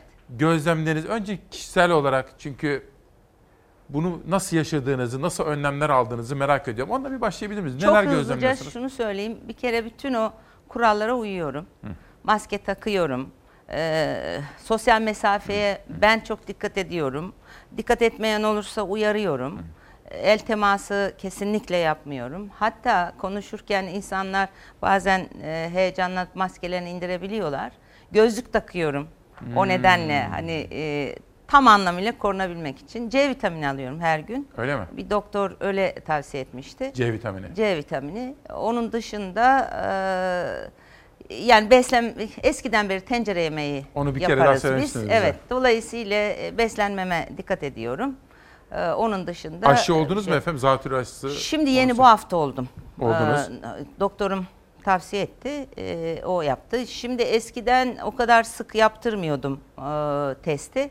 Şimdi yalnız illerden dönüp geldikten sonra 6. gün ekibimle birlikte hepimiz test yaptırıyoruz bir de. Düzenli yaptırıyor. Evet, düzenli Şimdi yaptırıyoruz. Ekibinize de baktım. İşte il başkanınız Buğra Bey maskeli işte basın Yani maske Murat konusunda İde. çok hassasız Herkes hepimiz. takıyor, onu gördüm. Ben yanımda benimle beraber görüşmeye geliyor insanlar. Genel merkezde de benzeri bir durum. Orada da mutlaka maske takılıyor. İşte el e, dezenfektanı kullanılıyor. Bir de şöyle bir durum var. E, biz şimdi geziyoruz açık havada. Yani kapalı toplantı yapmıyorum hiç. Kapalı Ama çok alanlarda bulunmuyorum. Açık alanda Evet. olmamız gerekiyor. Evet. Bir de efendim tabii e, gözlemledik doktorlarla konuşuyoruz. Dün Türk Tabipleri Birliği Başkanı Adıyaman'la konuştum. Alpay Azap'la konuştum geçenlerde. Sağlıkçıların durumu iyi değil. Çok yoruldular. Evet, Sadece çok. doktorlar değil. Hemşireler, hasta bakıcılar, idari personel, oradaki eczanelerde çalışanlar, Hatta hizmetliler. evet hizmetliler, temizlik görevlileri. Tabii. Dolayısıyla çok dikkatli olmamız gerekiyor. Çok. Efendim çok üzüldüğümüz, kaygılandığımız bir takım gelişmeler de oluyor. İşte 30 Ağustos'ta siz de Evet. tepkinizi dile getirmiştiniz. Dün de kamuoyunun gündemine gelen bir olay. Verelim arkadaşlar arkaya bir görsel. Atatürk'ün mirası Diyanet'e teslim. Şimdi bizim tabii Atatürk ilkeleri konusunda ben sizin hassasiyetinizi öteden beri bilirim. Evet. Bir cumhuriyet kadınısınız, bir göçmen kızısınız. Evet. Dolayısıyla en ufak halkımızda bir kafasında soru işareti varsa bunu da konuşmamız ve o soru işaretini gidermemiz de Doğru gerekiyor. diyorsun. Atatürk'ün mirası Diyanet'e teslim. Burası Heybeliada. Bu Evet. Heybeliada bu olayı en iyisi ben haberini kısacık bir izleyelim Tabii. efendim. Sonra sizin görüşlerinizi Tabii, alalım. tabii. Hazır mıyız arkadaşlar? Heybeliada'yı izliyoruz. Büyük şehirlerimizde boyuna hastaneler açılıyor. Eski has- kapatılan hastaneler tekrar hizmete sokuluyor. Dolayısıyla burasının büyük bir tekrar belki bir karantina merkezi olması için e, elimizden geleni yapmalıyız. Bunun için çalışalım derken birden burasının Diyanet'e İslam Eğitim Merkezi olmak üzere devredildiği haberini aldık. Heybeliada'daki ilk pandemi hastanesinin salgının başından bu yana İstanbul için karantina merkezi olması öneriliyordu. Ancak tarihi binanın sessiz sedasız Diyanet İşleri Başkanlığı'na devredildiği ortaya çıktı. Tıptan siyaset dünyasına eleştiriler yükseldi. En sert açıklama İyi Parti Genel Başkan Yardımcısı Aytun Çıray'dan geldi. Heybeliada Senatoryumu'nun Diyanet Vakfı'na devredilmesini meclis gündemine taşımıştım, cevap bile vermediler. Koronadan vefat edenlerin günahları iktidarın boyunlarına olsun. Atatürk Havalimanı'nın pistlerinin üzerine yapılan pandemi hastanesiyle başlamıştı tartışma. Atatürk'ün kurduğu Türkiye'nin ilk pandemi hastanesi Heybeliada Senatoryumu neden açılmıyor soruları gündeme gelmişti. CHP'li Umut Oran artan Covid vakaları ve hastanelerin yeterlilik tartışmaları üzerine CİMER'e sordu. CİMER'den gelen cevapla ortaya çıktı gerçek. Binanın Diyanet İşleri Başkanlığı adına tahsisli olduğu yazılıydı. Uyardım, önerdim, sordum. Atatürk Havalimanı pistleri yıkıldı. Üstüne hastane yapıldı. Heybeliada Senatoryumu kapatıldı. Diyanet işlerine devredildi. 2005 yılına kadar buradan binlerce belki de yüz binlerce hasta geldi geçti. Rıfat Ilgaz'dan e, Salah Birsel'e, İsmet İnönü'ye kadar. Burası sadece bir hastane değil, büyük bir okuldu da en son 1999 depreminde renove edilmişti. Hala çok güzel kullanılabilir boyutlarda. Atatürk'ün emaneti 1924'te kurulan ve verem, akciğer hastalıkları, göğüs cerrahisi konusunda uzmanlaşmış bir ekibin 80 yıl hizmet verdiği ilk pandemi hastanesi ve 200 dönümlük arazinin İslami Eğitim Merkezi'ne dönüşeceği açıklandı. İstanbul Tabip Odası da kabul edilemez dedi karara. Adalar Belediye Başkanı Erdem Gül ise binanın sağlık hizmeti için tahsisini istediklerini ama bunun kabul edilmediğini açıkladı. Türk Toraks Derneği ise senatoryum binasının karantina merkezi olması için Change.org'da başlattığı imza kampanyasını sürdürüyor. 30 binden fazla imza toplandı. Valla çok üzüldük doğrusunu isterseniz. Bu kararın yanlış olduğunu düşünüyoruz ve düzeltilmesi gerektiği için elimizden geleni yapmak istiyoruz. Pek çok soru geliyor bu konuda. Ne dersiniz efendim? Şimdi ne diyeyim? AK Parti'nin yöneticilerinin hiçbir zaman geri atma geri adım atmadıkları tek bir konu vardır.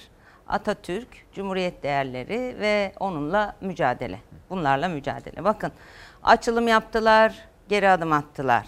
İşte e, değerli yalnızlık üzerinden e, önce bütün e, her komşularımızla derin ahbaplıklar kuracağız diye yola çıktılar. Değerli yalnızlığa 2013'te Sayın Erdoğan deyimiyle Türkiye'yi getirdiler. Bakın her attıkları adımda bir geri adım e, atmış, her konuda geri adım atarlar. Ama asla Atatürk Cumhuriyetin temel değerleri üzerindeki sabitlerinden, sabitelerinden geri adım atmazlar. Bir kere bunu teslim etmemiz lazım. İkincisi, şimdi Diyanet de Atatürk'ün kurduğu bir kurum ve onun başında Ali Erbaş isimli bir kişi var. Ee, Diyanet e, şeyde sanatoryumda Heybeliada Hastanesi de Atatürk'ün kurduğu bir kurum. Bakın burada çok önemli bir cinlik var. Atatürk'ün kurduğu bir kurumun başındaki şahıs hepimiz tarafından eleştirilen bir kişi e, ve Atatürk'ün kurduğu e, bir başka kurum oranın vakfına. O vakıftan sonra nereye gider ne olur onları ben bilemem. Yani gelin zamanı gelince göreceğiz. O ben buradan Sayın Erdoğan'a önereyim. Ee, ne kadar şehir hastanesi varsa hepsini Diyanet'e bağlasınlar. Sayın Erbaş görülüyor ki çok yetenekli bir arkadaşımız. Ali Erbaş çok acayip yetenekli bir arkadaşımız. Dolayısıyla doktorlar isyanda, yorgunluktan isyanda biraz evvel Gerçekten siz söylediniz. Sağlık çalışanlarının tümü aynı durumda. O zaman e, hepsini devretsinler ve o zaman e, işler düzelsin. Böyle bir şey olabilir mi? Ama arka planında böyle bir yarıştırma var Peki. olduğuna inanıyorum. Peki çok teşekkürler Yanlış. için. Gazeteleri beraber okuyalım biraz. Olur, çok sevinirim. Şimdi ikinci tur gazetelerimi rica edeceğim. Bugün aynen devam manşetini attık biz. Şimdi sizin yine öteden beri savuna geldiğiniz temel Evet. değerler var. Liyakat. Yani Evet. Arkasında dayısı olanın, torpili olanın değil de Evet. hak edenin hak ettiği. Çalışanın kazandığı, Heh, bu. başardığı. Şimdi Sözcü'deki bu haberi size sormak istedim. Görüşünüzü almak istedim. İlerleyen bölümlerde bir de idam meselesi var efendim. O konuda tekrar Evet. gündeme geldi. Böyle Evet. temcit pilavı gibi ısıtılıp Evet. gündeme gelen meseleler Evet. var. Ne düşündüğünüzü merak ediyorum. Atamalarda torpil hız kesmiyor. Dayısı olan koltuğu kapıyor. Konya Necmettin Erbakan Üniversitesi'ndeki yükselme sınavında düşük puan alan torpilli isimlere mülakatta yüksek puan verildi. Hepsi terfi etti. Müslüm Evcin haberinde isimler var. Bu olayın özelinde veya genelde bu konuyu nasıl değerlendirirsiniz efendim? Yani Türkiye'de bu liyakat meselesi Bakın Türkiye'de gençlerin araştırmalarda %70'in üzerinde, bazı araştırmalarda üniversite mezunu gençlerin %87'si, diğer e, daha geniş yapılan her türlü gencin e, içinde yer aldığı araştırmalarda da %70'e yakını bu ülkeden umudunu kesip yurt dışında iş bulabilse kaçıp gidecek. Şimdi bu çocukları suçlayabilir miyiz biz? Örnekler burada. Şimdi KPSS sınavına girdi gençler. evet hafta sonu. Şimdi e, o gençlere kurumlara müracaat edecekler. Diyelim 90 aldı. Bunlarla her yerde karşılaşıyorum. 90 aldı çocuk. Mülakata çağrılacak. 65 puan alan girecek. O açıkta kalacak. Dolayısıyla siz devlet olarak, devleti yöneten hükümet olarak e, çalışanın, gayret gösterenin, liyakat sahibinin başarısızlığa mahkum edildiği bir e, ülkeyi gencin önüne e, sunarsanız o da bu genç e, bu gençte bu ülkeden umudunu keser, ümidini keser. İşte onlardan birisi. Bunun adına nepotizm deniliyor, akraba kayırma. Ya kardeşim, yani rektör olmuşsunuz, rektörsünüz, sizin imkanlarınız geniş, akrabalarınıza dışarıda imkan sağlayın. Kendi imkanlarınızdan onlara pay verin. Böyle bir şey olabilir mi? Dolayısıyla milyonlarca gencin umuduyla oynanan bir durum. Daha vahim bir şey var. Şimdi KPSS'de çok düşük başarı göstermiş e, eş dost evlatları var. Bir rektörün yanında başlıyor ya da bir kaymakamın ya da bir valinin ya da bir belediye başkanının yanında özel kalemde bu çocuklar bu insanlar başlıyor. En fazla 2-3 ay sonra e, de resmi devlet memuru olarak çok iyi maaşlarla devlette resmi görevlere başlıyorlar. Haksızlık diz boyu, liyakatsizlik, nepotizm diz boyu, akraba eş dost kayırmak diz boyu. Ama bir atasözü vardır atalarımızın söylediği ah ile ah ile e, e, derd ile berbat abad olan e, derd ile berbat olur derler. Yani bu kadar ah alınır mı? Şimdi ben ilçeleri geziyorum. Kul hakkı. Yani şimdi oluyor. İslamiyet'in en önemli, bütün dinlerin aslında en önemli özelliği kul hakkıdır. Şimdi biz bu arkadaşlardan bugüne kadar hiç Hazreti Adem kıssasını duyduk mu? Hiç duymadık. Çünkü Hazreti Adem kıssası mutlaka kul hakkına işaret eder. Yani harama el uzattığın zaman senin edep yerlerin açılır. Edep yerlerinin açılması demek mecazi manada utanç duygusunun ortadan kalkması demektir. Dolayısıyla kul hakkı alanı diyor ki Allah ben affedemem. Sen onunla helalleşeceksin. Böyle bir şey olur mu? Türkiye'de tabii bunlar aynı zamanda ekonomik yolsuzluklara da sebep oluyor. Her şeyin mübah olduğu bir yöne doğru gidiliyor. İşte balık baştan kokuyor ve bu hale geliyor. Peki. Devam edelim gazete manşetlerine. Türkiye'nin gündemini konuşacağız. Siz geçtiğimiz günlerde Kütahya'ya gitmiştiniz. Evet. İl gezilerini sürdürüyorsunuz. 12 saat çalışma, öğlen sandviç, yevmiye cezası, yüzlerce vaka, fabrikalarda pandemi zulmü Evrensel Gazetesi'nin manşetiydi.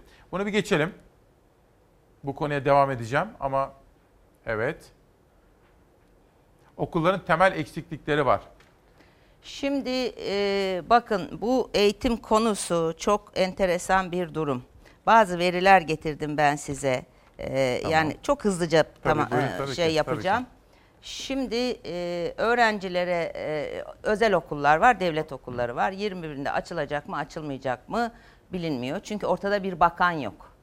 Ee, yani velilerin, öğretmenlerin, okul yöneticilerinin sorularını cevaplandıracak bir merci yok. Bir kere bir, bunu teslim edelim. İkincisi bu partili cumhurbaşkanlığı meselesi zaten bakanlık kavramını ortadan kaldırdı. Onu da bir kenara koyalım. Meclis ortadan kalktı. Bunu da bir kenara koyalım. Bakın şimdi e, sektörün yani özel okullardan bahsediyorum ve ortaokul, ilkokul, ortaokul, ana sınıfları. Sektör 2019 itibariyle 1 milyon 440 bin öğrenci almış. Yani öğrenciye sahip. 170 bin öğretmen var burada. 30 milyar liralık bir hacim söz konusu. Doğrudan ve dolaylı 750 bin üzerinde istihdamı kaplıyor bu eğitimin bu alanı. Şimdi pandemi ve idari belirsizlikler nedeniyle ara sınıflarda yüzde 20 civarında in, şey o, öğrenci gitmiş.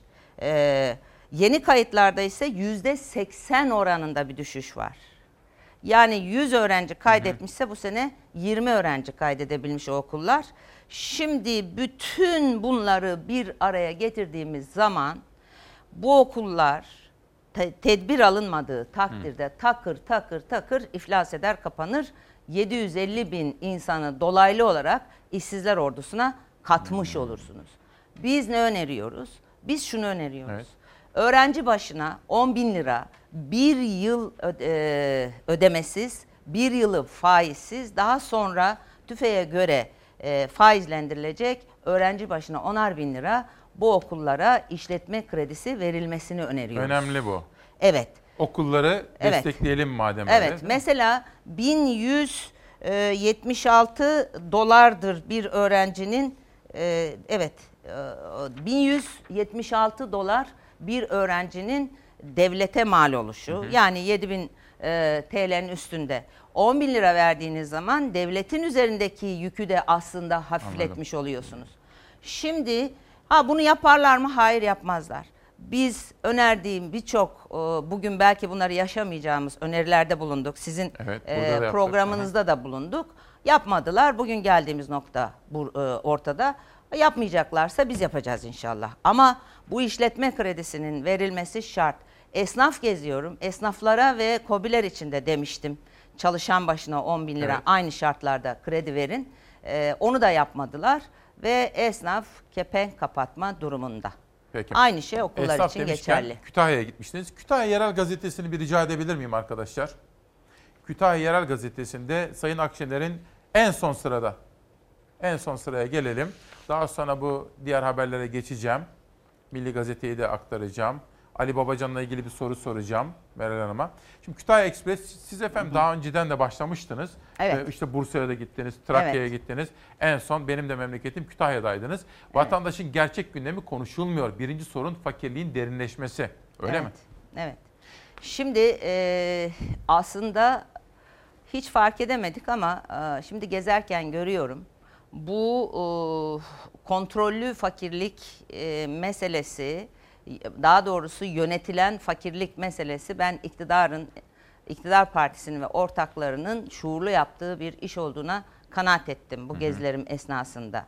Çünkü bir esnafa giriyorsunuz. Açılan paketten faydalandın mı kardeşim? Hayır. Ama diyor işte e, kaymakamlıktan 750 lira aldım diyor. 750 lirayı yani Mart'tan itibaren düşünürsek bugün geldik Eylül'e ve o kadar süredir 750 lira para almış. Soruyorum sizin e, memleketinizde kardeşim e, haftada kaç kere et alıyorsun? Abla ne eti diyor ya? Ne haftası diyor? Ne eti diyor? E çocukları nasıl okutuyorsun? İşte diyor harçla borçla okutuyoruz. Şey e, peki ne yani günlük şeyiniz nedir? Bir tane e, telefon kılıfı satacak. Bir tane bu kulağa takılan e, aparattan tak, e, satacak. Kirayı ödeyemez kirayı. Şimdi yanında insan çalıştır esnaf. Birle başlar 5'e 10'a 15'e kadar çıkar. Daha bakın kobilere gelmedik. Yani üretilen mamulü satandan bahsediyoruz. Ee, ve onların yanındakiler için işte onar bin lira adam başı e, kır, aynı demin öğretmenler e, özel okullar için söylediğim verin demiştik yapmadılar. Şimdi nasıl yanıyor yanıyor yanıyor.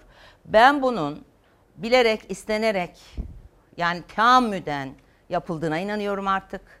Eğer e, yani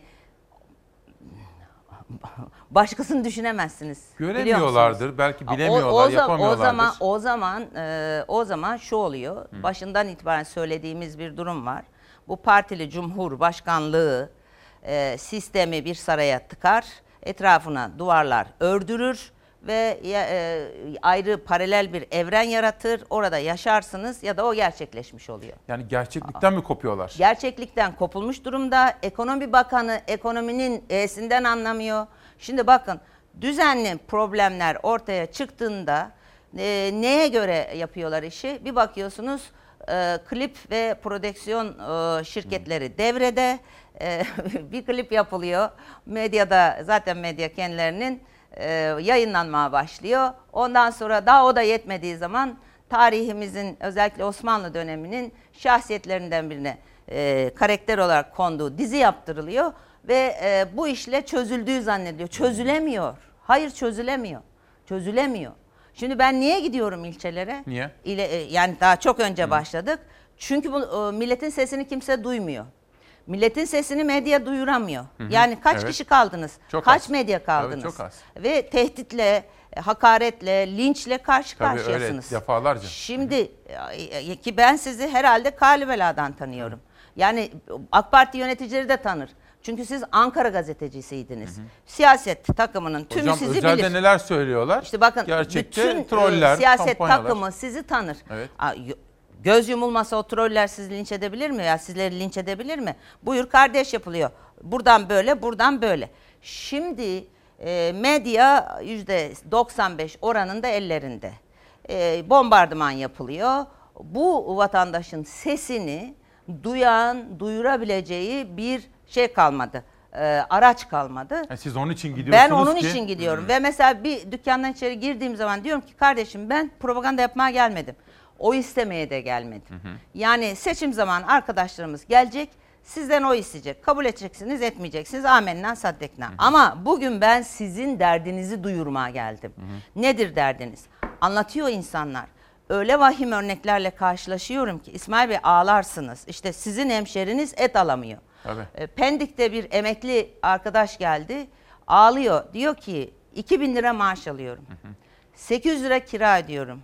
400 lira e, fatura ödedim. 1200. 1200. 800 lira ben nasıl geçineceğim? Çocuklarım var okuyor. Vah vah. Şimdi gene Kütahya'da bir e, genç arkadaş ki kendi durdurdu. Kendi imkanlarıyla iş bulmuş.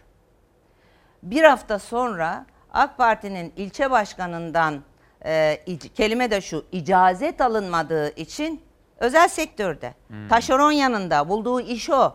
o. Şoförlük olarak iş bulmuş. Ondan sonra adamı hem de pandemi döneminde işten atmışlar. 23 yaşında oğlum var o da işsiz diyor. Ya bu, bu insan aldığı para nedir? 2360 lira. Günahtır ya. Günahtır. Böyle bir şey olabilir Bir mi? haber var efendim şöyle bir buçuk iki dakikalık Tabii. bir haber. Şimdi bu Covid-19 bunun ekonomiye yansımaları, insanımızın, işsizimizin, işçimizin yaşadıkları. Şenaz hazır mıyız? İzleyelim onu.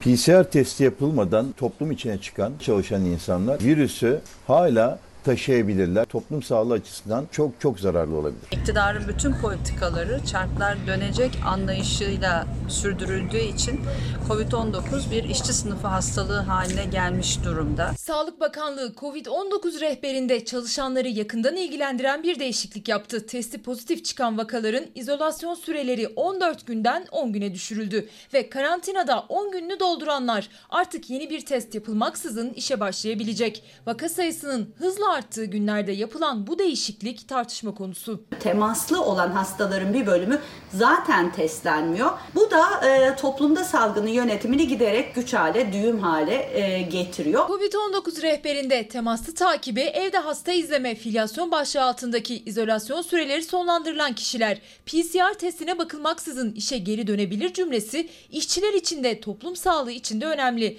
Çünkü pozitif olup da hastalığı hafif atlatan vakalarda izolasyon süresini tamamlayan pozitif mi negatif mi test yapılmadan işe dönecek. Profesör Esin Davutoğlu Şenol daha önce Amerika'da da hafif vakalar için benzer bir karar alındığını ama Türkiye'de hiçbir kritere bakılmaksızın düzenlemenin yapıldığını açıkladı. Amerikan Hastalık Kontrol Merkezi yeni bir tanımlamaya gitti ve dedi ki semptomsuz, belirtisiz hastalarda en fazla 10-12 gün süren testlemekten de sonrasında vazgeçmişti. Evet bir takım araştırmalar var. Yine de ihtiyatlı yanaşmak lazım.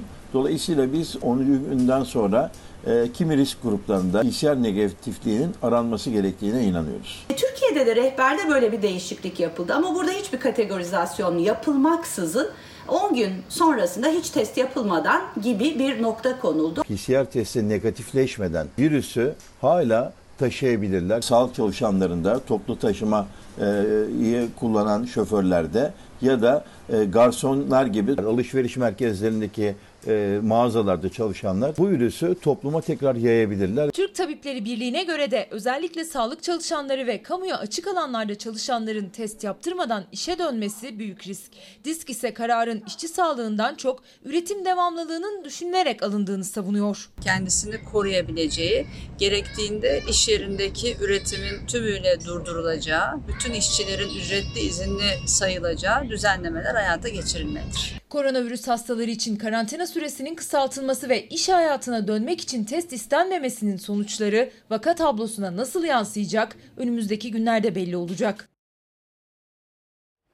Evet, memleketin temel meselesi. Tabii dünyada, Türkiye'de Evet. koronayla mücadele ediyor. Fakat bunun ekonomiye yansımaları, vatandaşa, Evet. işçiye, işsize, Evet. esnafa yansımaları ve iş dünyasına olan etkileri.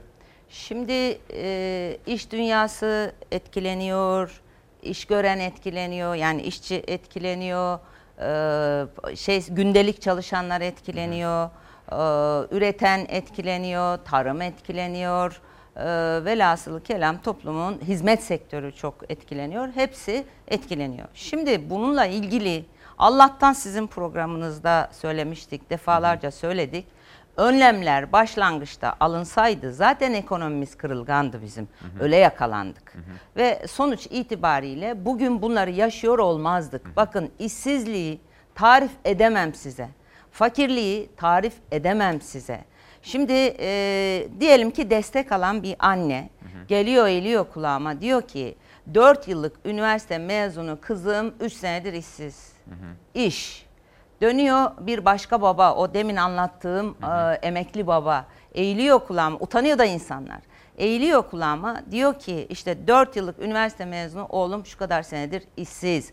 Bu çocuklar iyi kötü yani bu 800 lirayla belki karı koca aç olarak da olsa geçinebilecek. O iki e, emeklinin e, bah- bahsettiğim emekli. Fakat gencecik iş arayan, iş bulamayan, iş bulmaktan artık aramaktan vazgeçmiş o genç gece oturuyor, sabah uyuyor, harçlık babasına almasın diye diyorlar. İnanılmaz bir e, yangın var. Şimdi sarayda oturuyorsunuz, kulaklarınız tıkalı, damadınızda bakan yapmışsınız.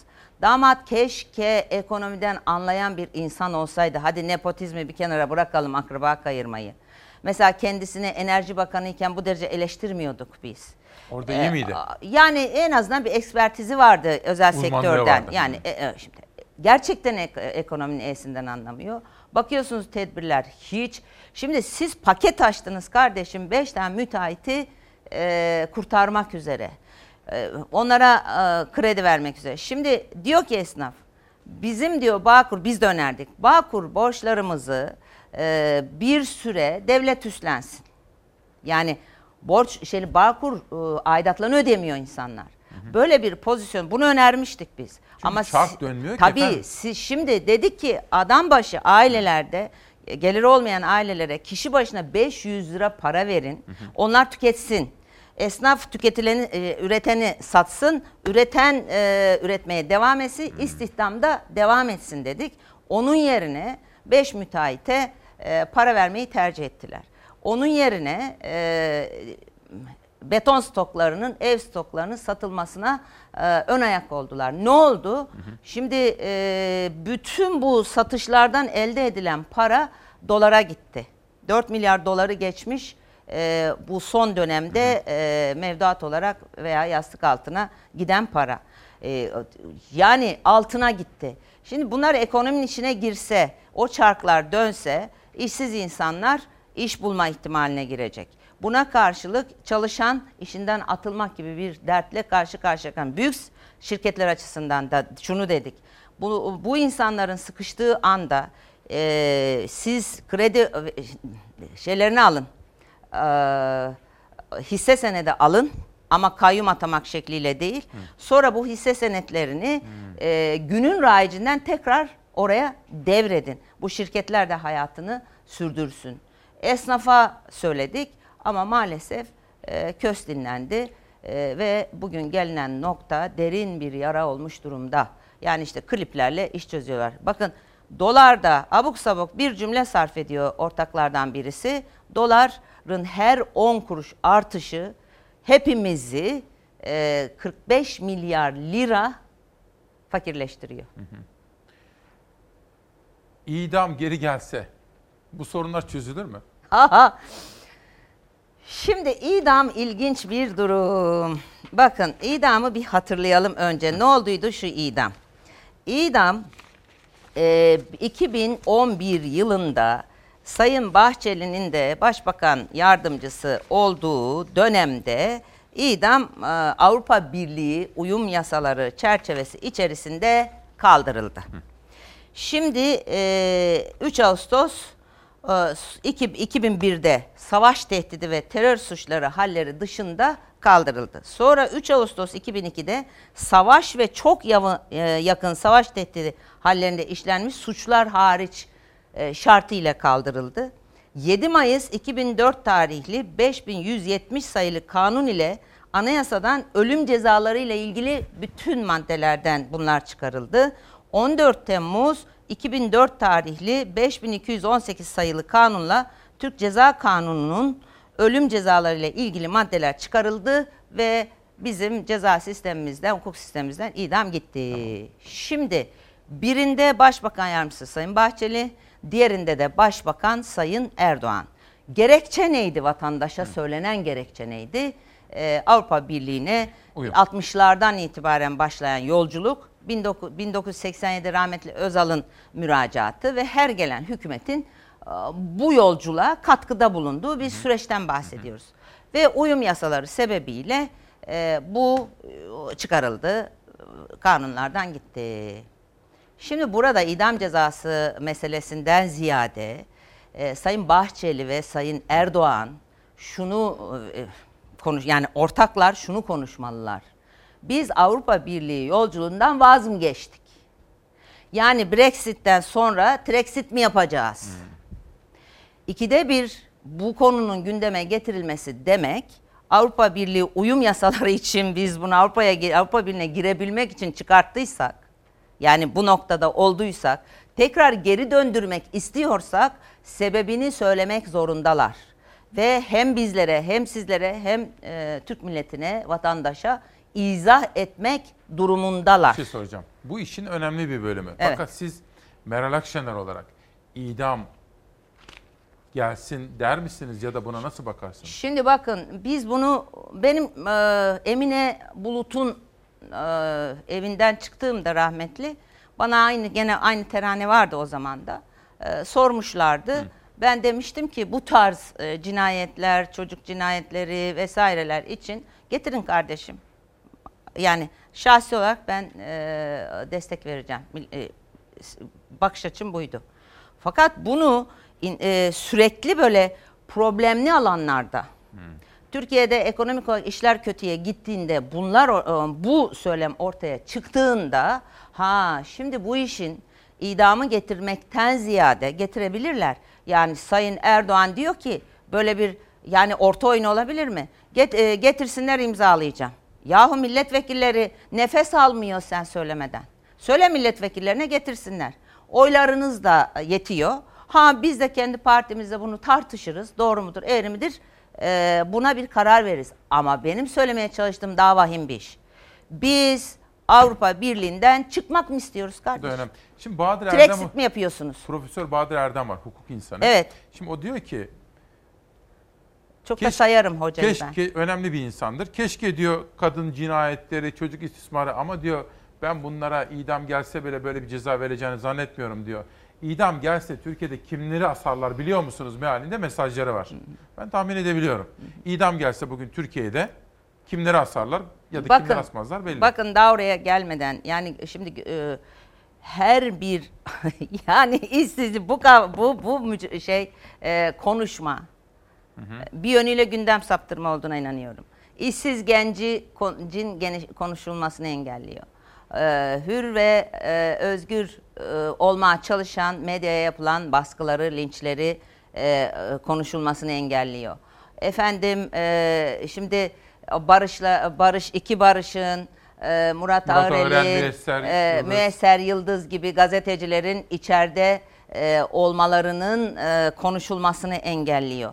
Efendim e, mesela gidiyorum ben e, bir esnafa satışlar nasıl? Önce bir Allah'a şükür diyor bizim insanımız. Evet. Sonra anlatıyor. Diyor ki şunu 10 liraya alıyordum, 11 liraya satıyordum. Şimdi zaten 12 liraya geliyor. 13 lira koyduğum zaman müşteri e, alamıyor diyor. Yani hem girdi maliyetleri yükselmiş, hem alım gücü düşmüş. Siz vatandaşı aç bırakmışsınız. Bunların konuşulması, bu seslerin duyulması yerine e, cambaza bak. E, Rauf Demer'in bizim gençliğimizde bir sözü vardı cambaza bak diye. Ellerini bakın. Asıl vahim olanı şu. Milletvekilleri hazırlar getirir. Böyle bir şey yok AK Parti milletvekillerinin. Sayın Erdoğan'dan gelen böyle bir talimat yok. Ama idam nasıl kaldırıldığını ben şimdi söyledim. Aktörler şu anda sağ. Yani gerekçeleri bu. Ama bunun neticesinde anlatılması gereken ve vatandaşla paylaşılması gereken şu. Avrupa Birliği yolculuğundan vaz mı geçiyoruz? Peki bu önemli. Asıl mesele bu. Tweetlere bir gelebilir miyiz? Orada Murat Arel'in kızı vardı. Şimdi bir saniye. Nazan Moral hocamız 4-11 Eylül 1919 tarihlerinde toplanan Sivas Kongresi'nde Kurtuluş Savaşı'nın kazanılmasını ve ulus egemenliğine dayanan tam bağımsız yeni Türk Evet. devletinin kurulmasını sağlayan kararlar alınmıştır. Evet. Eylül ayı böyle de önemli bir Evet. ay. 8 maddelik Türkiye Cumhuriyeti'nin kuruluşuna e, giden yol haritasıdır. İstiklal Savaşı'nı başlatan yol haritasıdır ve çok ilginç e, savaş esnasında bazı yerler işgal altındayken e, Meclis-i Mebusan'ı toplama kararı alan bir belgedir. E, bugün Milli e, irade yaslanıyor tabii yani. mil- e, milli irade milli irade diye gelenler e, milli iradeyi çöpe attılar. Çünkü e, meclisin kıymet harbiyesi gitti. Sizin efendim benim açımdan ben bütün siyasilere aynı mesafedeyim ama Biliyorum. sizi takdir etmemdeki sebep bir gazeteci ve yurttaşım aynı zamanda benim de öznel duygularım da var. Sizin Atatürk'e ve Cumhuriyet değerlerine bağlılığınız benim için çok çok, Çok önemli. ederim. Devam edelim.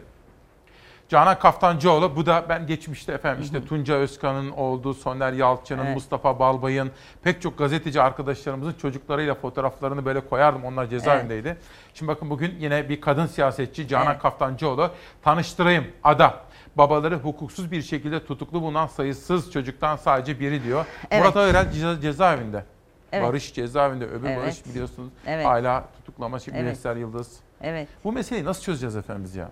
Tutuklu gazeteciler konusunu. Valla bu o, hukukun üstünlüğü, adaletin tam ve kamil sağlanması, demokrasinin uygulanması ve e, bu ucube sistemden vazgeçilmesi, kuvvetler ayrılığının e, tam ve kamil uygulanması, e, yargının üzerinde siyasetin, siyasetin üzerinde de yargının vesayetinin olmadığı bir e, güçlendirilmiş, iyileştirilmiş parlamenter sistemle bunlar sona erdirilir. Bunu başa alır mısın? Şimdi bunu bir dakika. Bu haberi Sayın Akşener'e sordum. Toplumun içinde bulunduğu duygu durumu, gençlerimin umuz, umutsuzu bunu konuştuk. Bir geriye döner misiniz? Başka bir bu Covid'i de konuştuk. Profesör Doktor Melih Usta kapanması gerektiğini söylüyor Türkiye'nin. Çünkü bu Covid-19'la mücadele kapsamında 21 gün demiştik sizin Siz programınızda e, ilk başında olaydı. Bir gazeteleri verin bana. Şimdi anons yapacağım. Bir reklama gitmek istiyorum Şenaz. Ama orada bir Ali Babacan haberi görmüştüm. Bir Davutoğlu onları. Şimdi bu liyakat meselesini konuştuk. Bunu geçelim. Fabrikaları bunu geçelim. Bir dakika. Evet bir, bir dakika bunu bir bak. Fabrikalar satıldı, ligden düştük. Bunu efendim şimdi reklama Evet. gittikten sonra bu Milli Gazete'nin haberini bir özelleştirme politikaları sizle bir konuşmak istiyorum. Tamam. Geçelim. Şeker Bu- fabrikaları Evet bu çok diyor. önemli. Evet. Şimdi e, bir saniye burada. Heh. Şimdi siz de biraz evvel ifade ettiniz. Ahmet Davutoğlu siz aslında bu liderleri de ziyaret ettiniz. Onlarla Evet. da bir konuşmak istiyorum. Fikirleriniz Tabii, ne? Bu arada tabii, Ali Babacan'a tabii. geçmiş olsun demek isterim. Evet, Covid-19. evet, Binali Yıldırım'a evet, geçmiş olsun evet, demek isterim. evet. 60 milyar doları ahmakça yabancılara sattınız diyor. Bunu konuşmak istiyorum reklamdan sonra. Geçelim. Bir sonraki. Ali Babacan, ülkemizin hafızasında acı hatıralar bırakan ölüm cezası geri getirilemez. Bakın o da mesela net bir Evet. duruş ve tutum sergiliyor bu idam cezası ile ilgili. Şimdi efendim biraz önce haberlerde vardı. Sosyal medyada da çok konuşuluyor. Meselenin insani bölümü de var. Şöyle göstermek isterim. Demirtaş diyor ki Independent Türkçe'de okuyorum. Dışarıda olsaydım bir sabah Başak ile birlikte Meral Hanım'ın kapısını çalar ve kahvaltıya geldik derdim. Şimdi siyaseten sevin, sevmeyin. Herhangi birine. sa- Sadece Demirtaş, Kılıçdaroğlu herkes için söylüyorum. Ama siz de biz onu görüyoruz. Şimdi mesela Cumhurbaşkanıyla da görüşüyorsunuz. Onunla da görüşüyorsunuz. Bununla görüşüyorsunuz.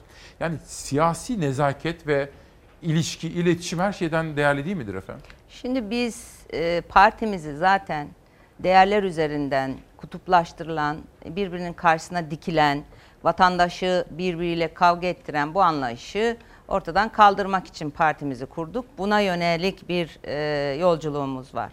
Milliyetçi, demokrasiye inanan demokrat, kalkınmacı bir siyasi partiyiz. Daha önemlisi de insan merkezli, insan odaklı bir e, bakış açımız var. Ona yönelik. Mesela işte gidiyorum bir yere diyorum ki kardeşim ben propaganda yapmaya gelmedim. Sizi dinlemeye geldim. O istemek seçim zamanı arkadaşlarımız gelip bütün siyasi partiler böyle isteyecekler. Vatandaş o zaman şuraya e, diyor ki aa makulde buluşuyoruz. Ve anlıyor ki e, yani o A partili bu B partili arkadaşıyla aynı dertten mustarip. Yani ikisi de aynı acının içerisinde. Ve ne çok ortak e, paydalarımız olduğunu ortaya çıkarıyor. Ben e, eski bir akademisyenim. e, cumhuriyeti ve demokrasiyi yıllarca e, müştereklerimizin arttırıldığı, e, ayrışma noktalarımızın ise e, enerjiye çevrildiği bir rejim olarak e, tanımlamışımdır. Dolayısıyla zaten partimizin kuruluş amacı budur. Nitekim bu makulde buluşmak, e, sadece eleştirmek değil çözüm önerilerinde de bulunmak gibi bir yolculuğun bugün karşılığını bu zor zamanlarda alıyoruz. Bir tane tepkiyle karşılaşmıyorum ben. Mesela bazıları diyorlar ki e, eğilip kulağıma sana çok haksızlık ettik. Hakkını helal et. Yani hala AK Partili seçmen. E, yani sizin e, özellikle Aksaray, Nevşehir, e, Kütahya. Kütahya'da karşılaştım, Çorum'da karşılaştım. Esnaf seçmenler var. Hala AK Partili. Ama ya ne yapmaya çalıştığımı onlar anlıyor. Dolayısıyla şunu söylemek istiyorum. Ee, insanlar birbirini sevmek zorunda değil. Birbiriyle e, oturup e, yani derin dostluklar yapmak zorunda değil. İşte mesela Demirtaş öyle diyor, kahvaltı yapardık Bakın demek. saygı göstermek zorunda. Ben size saygı göstereceğim, siz bana saygı göstereceksiniz birey olarak. Dolayısıyla bunun üzerinde e, gidildiği zaman herhangi bir e, derinleşmiş sorun ortadan kalkar ama işte yönetemezseniz değerler üzerinden olur. O, efendim- o konuyu okumadığım için tam bir e, siz sadece o kadarını Ben de okudunuz. yeni geldi çünkü. Ha, sadece o kadarını okuduğunuz için ben okumadım. Onun için bir şey söyleyemiyorum. reklam ama, arasında okursunuz. Ama şunu Danışmanınız da söyleyeyim. burada. Ha, bu, bu samimiyetle de şunu söyleyeyim. Şimdi ben Güneydoğu'yu iyi bilirim. Güneydoğu'nun bir özelliği şudur. Yani Güney, Güneydoğu'da Evet, yaşayan evet. Kürtlerin e, İstanbul'da, İzmir'de hani şehirleştik, batılılaştık. Onları bilemem. Orada şudur.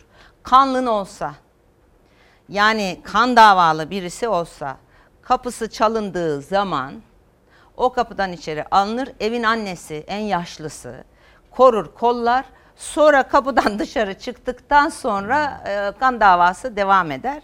Türkiye'nin bir kere yani Güneydoğu'nun böyle bir özelliği vardır. Anadolu coğrafyasının da böyle bir özelliği vardır. Biz efendim birbirimize Bakın konuş- onu söylüyorum. Böyle bir böyle bir özelliği vardır. Dolayısıyla bunu teslim etmek durumundayım. Birkaç hafta önce Kılıçdaroğlu'nu gördüm. Birebir yüzle uzun Evet. bir görüşme imkanım oldu. İşte iktidarın da sizin size çok uğraştığını, siz bu blok içinde sizin çok önemli olduğunuz için bölmeye çalıştığını filan söyledi. Bazı senaryolardan da bahsetti. Dolayısıyla şimdi bu ittifaklar meselesi, Cumhurbaşkanlığı sistemi, parlamenter sistem, bu Başak Demirtaş biraz sonra konuşalım onu izin verirseniz. Ben de tabii yaz tatilinde şu terasta bir sade kahve içmeyi Olur. özledim. Size bir Olur, sade kahve olur. ikram etmek Çok isterim. teşekkür Değerli izleyenler bize birazcık müsaade ederseniz biz birer sade kahve içip huzurlarınıza geri gelelim.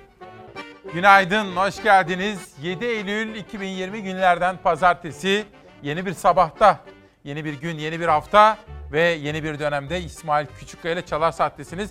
Demokrasi Meydanı'nın 8. yılındaki ilk programının konuğu İyi Parti lideri Meral Akşener. O kadar çok soru var ki efendim, muazzam sorular. Fakat en önemli gündem maddelerinden birisiyle devam etmek istiyorum. Şimdi bir kere ittifaklar meselesi var. Onu size soracağım ama ittifaklardan hemen evvel bir Doğu Akdeniz meselesi vardı arkadaşlar. Bir görselim olacaktı. Hatta haber hazırsa haberi izleyelim. Hazır mı? İzleyelim haberi. Tansiyonun yüksek olduğu Doğu Akdeniz'de askeri hareketleri sürerken Cumhurbaşkanı Erdoğan sürecin kritik isimlerinden biri Libya Başbakanı Faiz El Sarrac'ı kabul etti. Vahdettin Köşkü'ndeki görüşme iki buçuk saat sürdü. Libya'daki son durumun yanı sıra geçtiğimiz ay ilan edilen ateşkes ve darbeci Hafter güçlerinin ateşkes ihlalleri değerlendirildi. Masadaki bir diğer önemli başlıksa iki ülke arasında özellikle Doğu Akdeniz'de atılacak ortak adımlardı.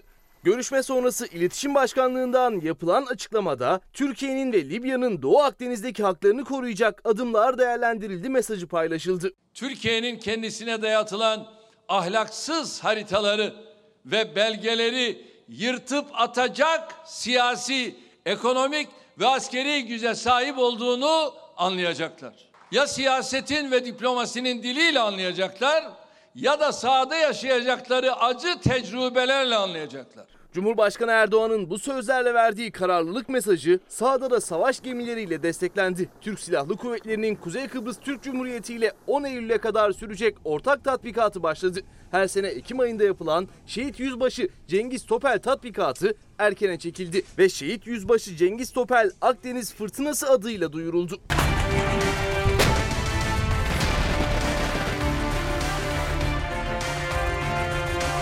Doğu Akdeniz'de gerilimi diplomatik bir şekilde çözmek isteyen Türkiye'nin iyi niyetli çağrılarına Yunanistan kulak tıkıyor. Hatta Fransa'dan aldığı cesaretle tansiyonu daha da yükseltiyor. Geçtiğimiz hafta Türkiye'nin Doğu Akdeniz'de Navtex ilan ettiği alana yakın bir bölgede Fransa, Güney Kıbrıs Rum yönetimi, İtalya ve Birleşik Arap Emirlikleri ile birlikte ortak tatbikat yapmıştı. Son olarak NATO müttefik iki ülke arasında ara buluculuk için devreye girmiş, Yunanistan o masaya oturmayı reddetmişti. Türkiye, Yunanistan'ın gerginliği daha da tırmandıran tutumuna Akdeniz fırtınası tatbikatıyla yanıt vermiş oldu. Yunanistan ve Fransa'ya diplomasi olmazsa askeri olarak da hazırız mesajı iletildi. Milli Savunma Bakanlığı da Doğu Akdeniz'de araştırma faaliyetlerini sürdüren Oruç Reis sismik araştırma gemisi ve ona refakat eden fırkateynlerin görüntülerini bölgede hiçbir hukuksuzluğa ve kabadayılığa izin verilmeyecek notuyla paylaştı. Oruç Reis ve TCG Gediz arasında geçen telsiz konuşması da kararlılığın ispatıydı. Oruç Reis, burası TCG Gediz. Konuşan TCG Gediz 2. Komutanı. Ülkemiz ve milletimiz için büyük önem taşıyan bir görev için sizlerle birlikteyiz. Yaptığınız çalışmalarla asil milletimizin beklediği müjdeyi vereceğinize inanıyoruz. Mavi vatanda deniz, hak, alaka ve menfaatlerimizi korumakta kararlıyız. Türk Deniz Kuvvetleri'nin gücü ve 83 milyonun duası sizinle. Kahraman donanmamızın bizim için burada olduğunu bilmek bize bizlere güvenle çalışma imkanı veriyor. Bizler burada ülkemizin deniz yetki alanları içerisinde tamamen bilimsel ve teknik bir çalışma yapıyoruz. Sizlerle birlikte ülkemizin deniz hak, alaka ve menfaatleri için kararlı ve korkusuz şekilde yılmadan çalışmaya devam edeceğiz. Akşam saatlerinde Doğu Akdeniz başlığı ile ilgili bir önemli teması daha oldu Cumhurbaşkanı Erdoğan'ın. Avrupa Birliği Konseyi Başkanı Michel'le telefonda görüştü. Erdoğan görüşmede Avrupa Birliği'nin Doğu Akdeniz'de sergileyeceği tutumun uluslararası hukuk ve bölgesel barış açısından bir samimiyet testi olacağını söyledi. İyi Parti lideri Sayın Akşener'e soralım. Şimdi efendim sular ısınıyor Akdeniz'de. Evet. Ve bizim haklarımız var korumamız gereken. Doğru. Fakat ortada bir takım ittifaklar var. Dünya küresel sistemi, emperyalist devletlerin kendine göre kendi çıkarları var. Ne yapacağız? Hükümeti bu konuda uyarmak, desteklemek. Nasıl bir açıklama yapmak istersiniz? Şimdi Yunanistan ve e, Fransa'nın tutumu elbette Türkiye açısından bakıldığında kınanması gereken, reddedilmesi gereken e, ve e, hem Türkiye'nin hem Türk milletinin çıkarları açısından e, orada hiçbir beis yok. Hı hı. Orada bir sorunumuz yok. Ama biz buraya nasıl geldik? Bu sorunun cevabını ta, e, konuşmalıyız ve iktidar da buradan ders almalı. Hı. Şimdi hatırlayın e, dış politikada bir monşerler meselesi oldu ve e, dış işleri AK Parti'nin e, seçilememiş veya seçtirilmemiş siyasetçilerinin e, makam yeri oldu. O makamlar bu eski siyasetçilerle dolduruldu. Birincisi bu. Monşerler ortadan kalksın diye bir savaş başlatıldı. Birincisi bu. Halbuki dış politikada dış işleri ta Osmanlı döneminden beri 150-200 yıllık bir hafızanın e, biriktiği bir yerdir.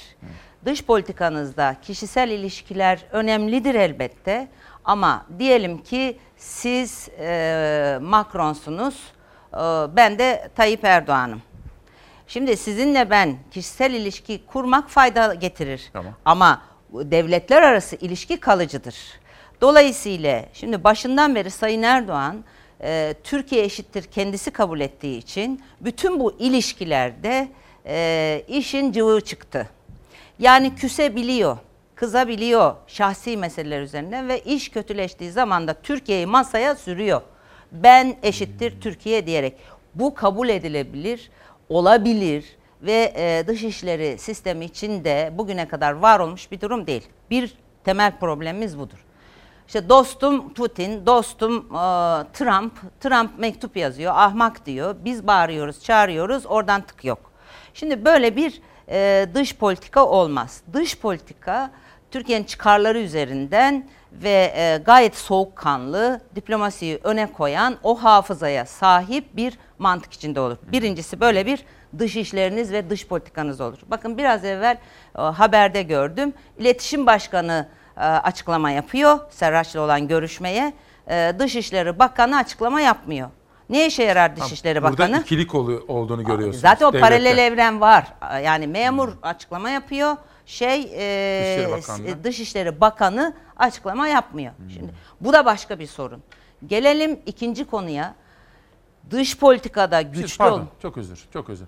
Acaba hani Cumhurbaşkanı hükümet sistemi diyorlar ya adına. Acaba Partili ona, Cumhurbaşkanlığı ona sistemi o. uygun mu acaba bütün İşte bunlar? zaten öyle oldu. Öyle olduğu için şimdi Türkiye bu sistemi taşıyamıyor. Bu sistem de Türkiye'yi taşıyamıyor.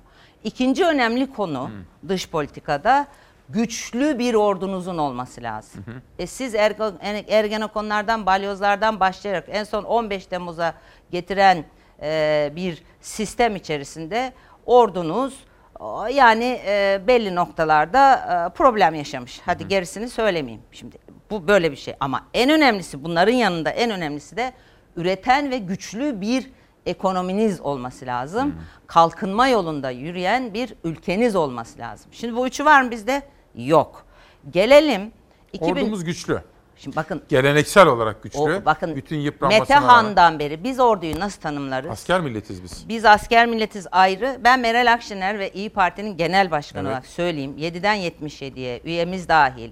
Türk milleti böyle tanımlar da biz ayrıca Mete Han'ın ordusu olarak tanımlarız Kara Türk ordusunu. bin yıldır devam ediyor. Orada sorunumuz yok. Ama sürekli didiklerseniz, sürekli e, yani bir e, ş- gardınızı alarak bakarsanız e, böyle olmaz. Şimdi e, ortada.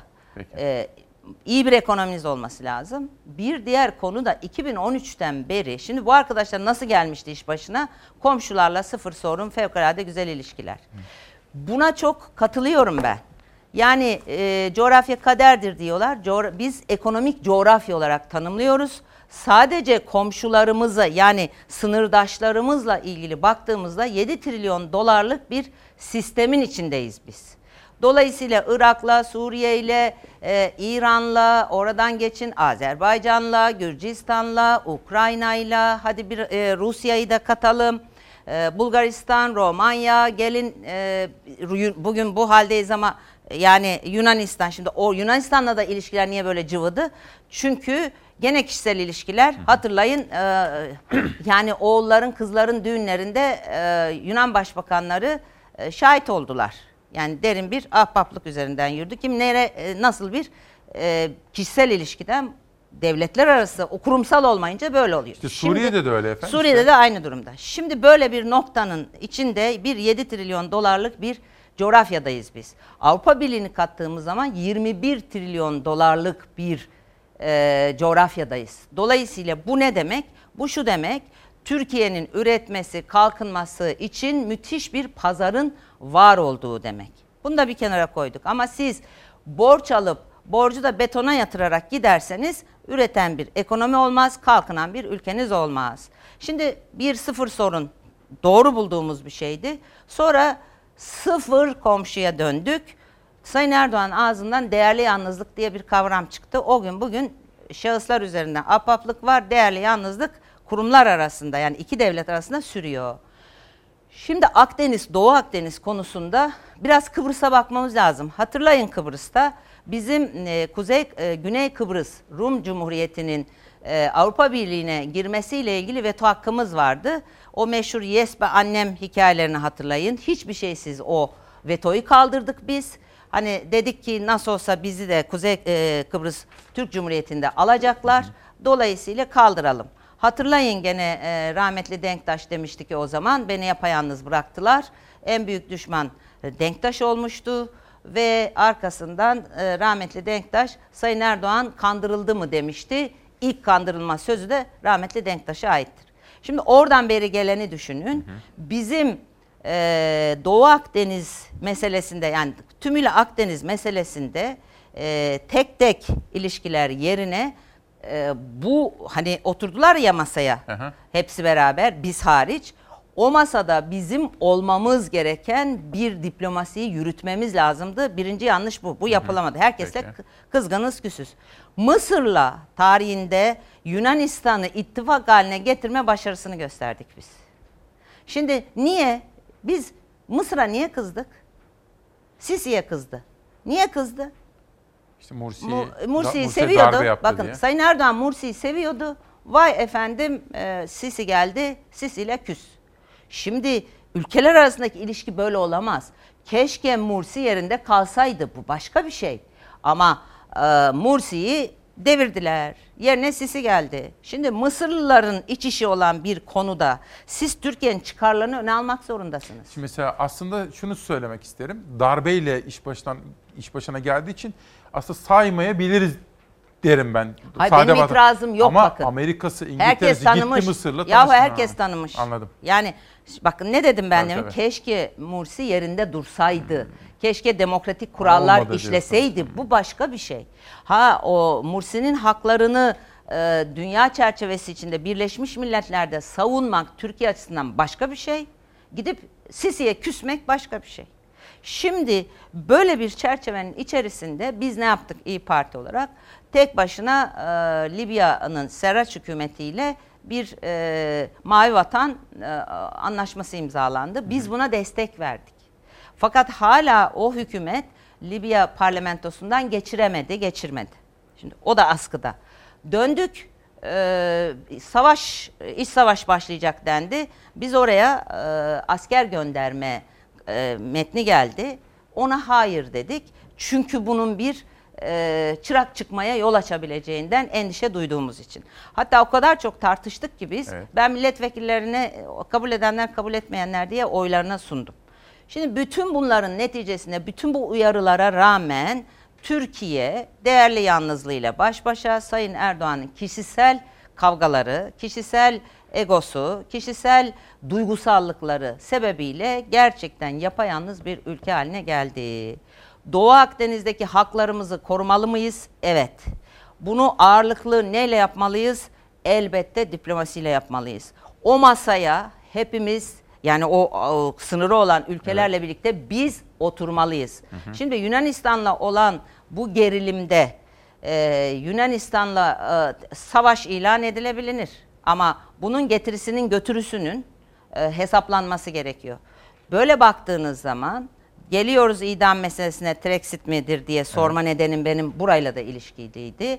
Ve dış politikanın daha kurumsal, daha devletler arasında yapılması gerektiğini anlayıp mesela bu ilişkinin Yunanistan'la olan şu gerilimin e, nasıl bir yola evrileceği konusunda NATO'nun arabuluculuk etmesi lazım. Ve e, Ürdün'ün oturduğu, Suriye'nin oturduğu, e, Filistin'in oturduğu, hatta Filistin'in oturduğu, o Mısır'ın oturduğu, Yunanistan'ın oturduğu, Fransa'nın oturduğu o masaya e, Türkiye'nin diplomasinin tüm kurallarını e, işletip gücünü gösterip yani gücünü gösterip o masaya oturması gerekiyor. Bu yapılabilir mi? Yapılabilir. Şimdi efendim aslında Hissiyattan uzaklaşılması bakın gerekiyor. geçtiğimiz haftalarda Birleşik Arap Emirlikleri ile İsrail anlaşma yaptı. Ha, Tarihi İsrail de anlaşma. var o masada. O da var. Oraya e, yani herkes herkesle ahbaplık yapıyor. Trump'ın- Katar e, askeri anlaşma imzaladı. Trump'ın Kardeşim damadı, Katar. Trump'ın damadı o uçağa bindi. İsrail ile Birleşik Arap Emirlikleri arasındaki. Kardeşim Katar'da oturdu Evet. oraya. Şimdi efendim bir de ilk turda size Sözcü Gazetesi'nden bir haber sormuştum ya. Sizin Evet. bu torpil, Evet. e, liyakat Evet. konularındaki görüşleriniz. Bir de çok soru geliyor. Dün akşam bizim ana haberimizde de vardı. Bir milletvekilinin düğünü. Sizi AK Parti bir milletvekili Evet, düğününe evet. götürebilir miyim? Bakın. Evet bugün 1500 Hürriyet- kişilik. Heh. Siz de bunu yaparsınız diyor. Hürriyet gazetesi de bugün bir taraftan Mabel Matiz konseri bir taraftan o milletvekilinin düğünü. 1500 kişi. Ver fotoğrafları Savaş. Heh.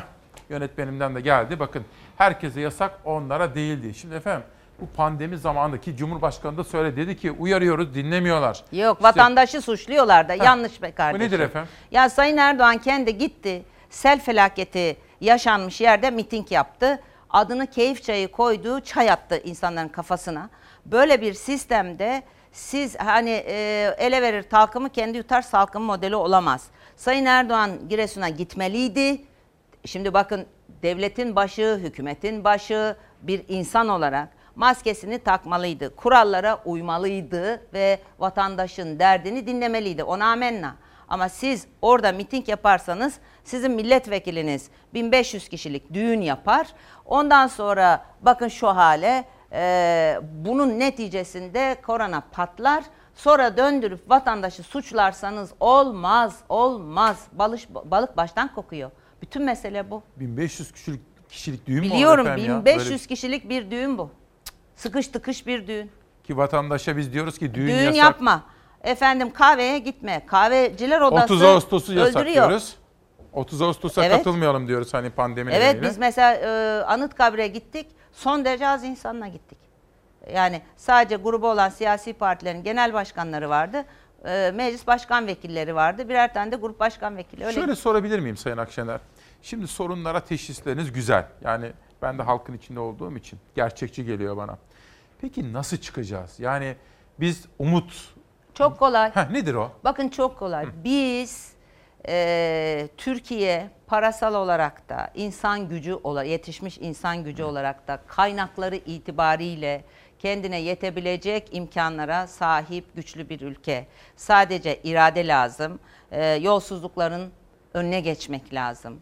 E, liyakat e, işinin peşinden koşmak lazım. Bu akraba kayırmacılığının ortadan kalkması lazım. İnsanların umut ettiklerini, çalıştıkları takdirde kesinlikle başarabileceklerini özellikle gençleri inandırmak lazım. Bunları yapabilmek için de bu partili cumhurbaşkanlığı sisteminden kurtulmak lazım. Çünkü ne bu sistem Türkiye'yi taşıyor ne de Türkiye bu sistemi taşıyabiliyor. Milletvekilinin kıymeti harbiyesi kalmamış durumda. Ve e, saraydaki şube müdürleri AK Parti genel başkan yardımcılarını azarlıyor. Böyle bir ya siyaset kurumu bitti. Şimdi vatandaşın sesine kulak vermek lazım ve nasıl e, müşteri veli nimetse esnaf için e, seçmen veli nimet olmak durumda lazım. Bunları başarabilmek için ekonominin yükselmesi için e, hukukun üstünlüğü gerekiyor. Adalet, kuvvetler ayrılığı, vesayet sistemlerinin son bulması gerekiyor. Adalet yargı mekanizmasının hem tarafsız hem bağımsız olması gerekiyor. Dolayısıyla bakın Türkiye'nin çözülemeyecek problemi yok. Sadece e, temel mantık bu tek adamlık düzeninin partili cumhurbaşkanı meselesinin ortadan kalkması Ama bunu gerekiyor. çözmeniz için de ittifak kurmanız gerekiyor. Ali Babacan'a gittiniz, Davutoğlu'na gittiniz, Kılıçdaroğlu hatta belediye başkanlarıyla görüşüyorsunuz. O nasıl olacak? Nasıl realize edilecek? Şimdi şöyle ben e, hem Sayın Babacan'a hem Sayın e, Davutoğlu'na ziyarete gerçekten biz yakın e, binalarda e, kiraladık. E, yakınız birbirimize. Hayırlı olsun diye gittim. Ama en başında eğer e, Meral Akşener'i e, yani bir bütün olarak bakarsa e, milletimiz başından itibaren iki partinin de kuruluş esnasında e, demokrasiye renk getireceklerini, siyasi rekabetin şart olduğunu, onu e, oluşturacaklarını yani ne kadar Hı hı. e, farklı kesimlere hitap edecek siyasi organizasyonlar yapılırsa seçmenin işine yarayacağını söyleyen bir genel başkanım. Ama bu bizim bu arkadaşlarımızın kurduğu partilerle rakip olmadığımız anlamına gelmiyor. İşbirliği içinde rekabet diye bir kavram vardır. İş hayatında olan insanlar bilirler.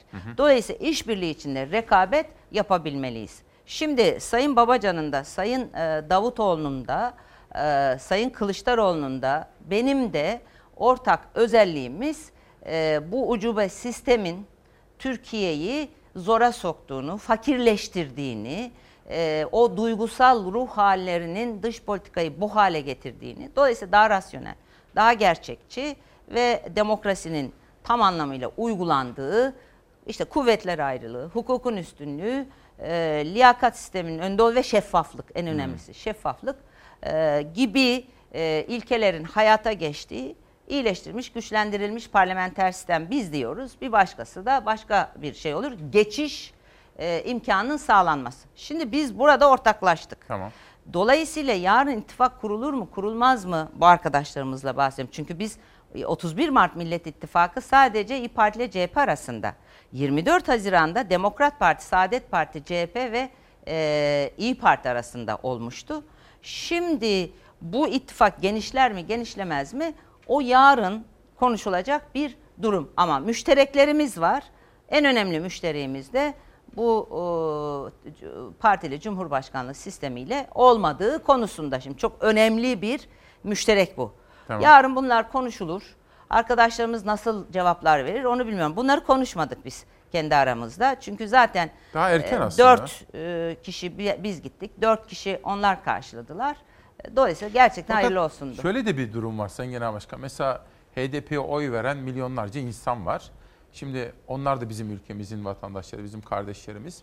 Şimdi onların oyunu almak da aslında iktidar denklemlerinin içinde önemli. AK Parti de uğraşıyor, CHP de, işte siz de ya da diyelim Biz 83 milyonun Türkiye'de yaşayan 83 milyonun hepsinin oyuna talibiz. Elbette bir kısmını alabiliyoruz, bir kısmını alamıyoruz. Bu başka bir şey. Her siyasi parti gibi. Ama mesela şimdi şöyle, şimdi yazın bir açıklamanız olmuştu sizin. Bence hak edildiği kadar üzerinde durulmadı. Şimdi siz dediniz ki Cumhurbaşkanı olmayı herkes ister. Şimdi Evet. rahmetli Demirel söylerdi onu. Herkesin gönlünden geçer ama bir Evet. kişiye nasip olur. Evet. Ama dediniz ki ben bunu isterim ama yani illa da böyle olacak böyle olacak diye di- diretmem. Bu Türk- netlikte bir şey söyledim. Şimdi bana soru şuydu. Siz ilçeleri geziyorsunuz. Halbuki çok önce başlamıştım. İlçeleri geziyorsunuz. Cumhurbaşkanlığı e, adaylığınız için bir strateji mi uyguluyorsunuz? Soru buydu. Evet. Ben de kendi, e, soran arkadaşa dedim ki herkes gibi ben de Cumhurbaşkanı olmayı, seçilmeyi çok isterim. Partimi, kendimi tanıyorum. Çok iyi hizmetler yapabileceğimize inanıyorum. Hem şahsen hem sistem itibariyle. Ama e, Türkiye'nin e, geleceğini yani bu partili cumhurbaşkanlığı meselesiyle ilgili geleceğini zora sokacak bir stratejim olmaz dedim. Bunu bir genel başkan asla söylemez Türkiye'de. Bu netlikte ben söylüyorum. Çünkü e, bazı şeyleri biz istismar sahası halinden çıkarmak durumundayız. Ama yarın seçim neyi gösterecek? Yani seçim ne zaman olacak bilmiyoruz. Sayın Erdoğan 2023'e kadar götürmek için elinden gelen gayreti gösterecek. Ama ne ekonomisi, ne e, Türkiye'nin içinde bulunduğu şartlar, ne bu sistemin yarattığı sonuçlar, e, yani partili cumhurbaşkanlığının yarattığı sonuçlar Türkiye'yi 2023'e bu sistem taşıyamaz. Bu sistemi de Türkiye 2023'e kadar taşıyamaz diye bir öngörüm var benim. Dolayısıyla seçim geldiğinde elbette konuşulabilir. Şimdi siyasette hiç yapılmayan e, bir e, net dili kullanıyorum ben bugüne kadar olmayan. Neyse kartım ortada. Elbette isterim. Yani Ben istemiyorum. Böyle bir şey yok. Herkes elbette isterim. Herkes gibi çok isterim. Ama bu sistemden demokratik usullerle sandıkta oy kullanarak e, kurtulmanın e, daha önemli olduğuna inanıyorum Türkiye'nin geleceği, bu gençlerin Anlıyorum. geleceği açısından. Kerimcan Kamal tweet'i vardı. Yönetmenim Savaş'tan rica edeceğim. Şimdi çok farklı yorumlar da geliyor sizin anonsunuzdan sonra tabii. Evet. Şimdi işte Türkiye'nin bir kadın cumhurbaşkanı olsa diye ben o kadar çok mesaj gördüm ki sabah. Bilemem halkımız ne isterse Tabii. o olur. Daha fakat Kerimcan Kamal bizim meslektaşımız ve mm, önemli bir isim. Ben uzun yıllardır tanırım. Bak böyle bir paylaşım yapmış efendim. Bugün seçim olsa muhalefetin cumhurbaşkanı adayı Meral Akşener olsun isterim diyor. Evet. İnce o şansı İmamoğlu'da o rüzgarı kaybetti diyor. Bu tabii şahsi kanaatleri. Yani ben böyle e, kendi Mansur Bey iyi gidiyor belediyede Evet. diyor. CHP'de kim gül diyorsa diye başlıyor ve gülle ilgili senaryolara burada tepkisini dile getirmiş. Yani bu netlikte söylüyorum. Peki. Yani e, çünkü biz seçmeni çok aldatıldı seçmen şu süreç içerisinde. Bakın travma. Türk seçmeni ister AK Parti'ye, ister MHP'ye, ister bize, ister CHP'ye hangi siyasi parti oy verirse versin.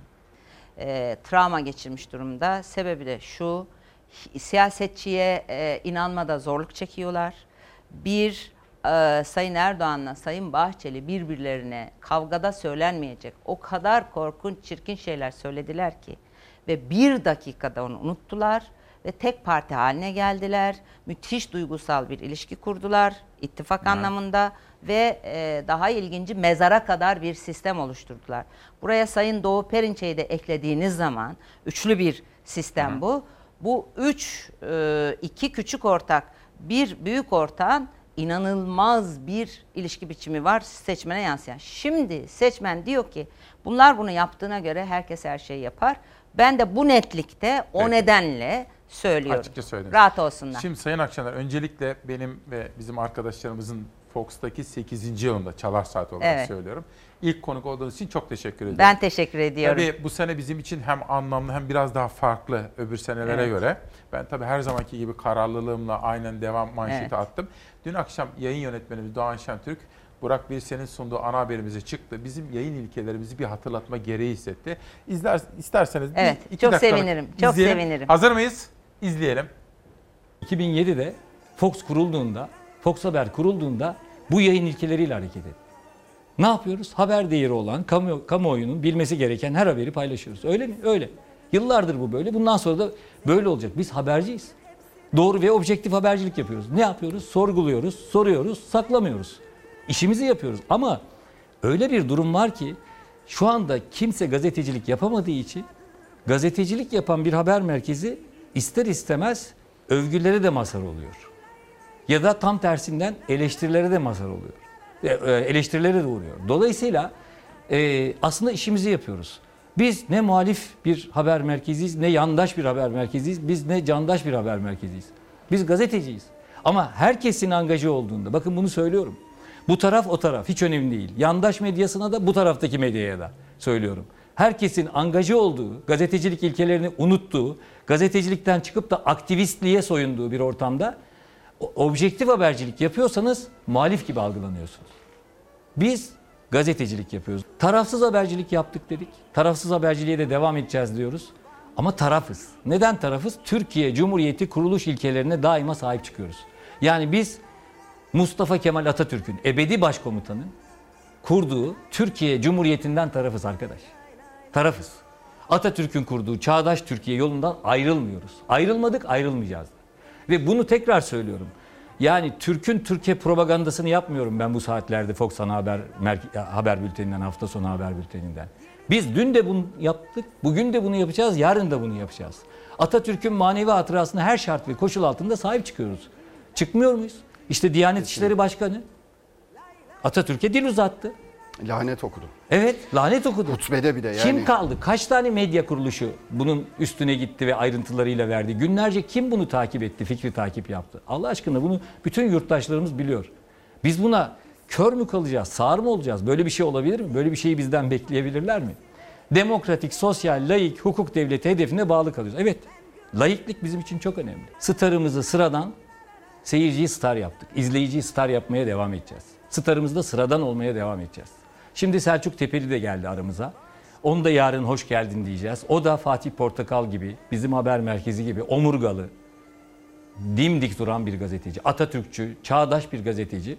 İzleyiciler e, bu e, habercilik anlayışının devam ettiğini zaten izleyerek görecekler. Selçuk Tepeli ile Fox Ana Haber'de hem Fatih Portakal hem ben konuk olacağız. E, Türkiye çok şık, çok zarif bir bayrak değişimini izleyecek. Ne Babali'de ne de başka alanlarda çok eşine e, rastlanmayan bir e, bu bayrak değişimi olacak. Belki de Babali'de bir ilk olacak e, medya sektöründe. Durum böyle. Sayın Meral Akşener'e son sözü bırakmak istiyorum. Biz efendim özgür basını Evet. ve demokratik Türkiye'yi savunuyoruz. Aslında anayasanın ilk dört maddesini savunuyorsunuz. Herkesin savunması gereken. İki, gazetecilik yapıyorsunuz. Taraf maraf değilsiniz siz. Objektif gazetecilik yapıyorsunuz ve e, sizin için seçmen veli nimettir. Yani doğru haber alma hakkı açısından veli nimettir izleyiciniz. Seçmen mi dedim? Evet, evet, Şuur olsun. altıma işlemiş seçmen. Olsun. yani e, seyirciniz Evet. e, veli nimettir. Tabii. Ve e, doğru, dürüst e, bir e, yani insanların itibar suikastine uğramadığı bir sistem kurdunuz siz. Elbette sorgulayacaksınız. Ve e, bu gezilerimde ne gördüm biliyor musunuz? Ne AK efendim? Parti seçmeni de sizi izliyor. Öyle efendim, tabii evet. ki. Yani onun için demek ki dürüst olmak, gerçekten gazetecilik yapmak, işini iyi yapmak e, izlendir, e, izletiyormuş Çok insanları. teşekkür ediyorum. Ben teşekkür Sağ olun. ediyorum. Sağ olun. Evet efendim 8. sezonumuza başladık. İlk programın konuğu Sayın Akşener oldu. Bir kadın siyasetçiyi ağırlamak istedik. İlginiz için çok teşekkür ediyorum. Yarın sabah görüşmek üzere. Esen kalın.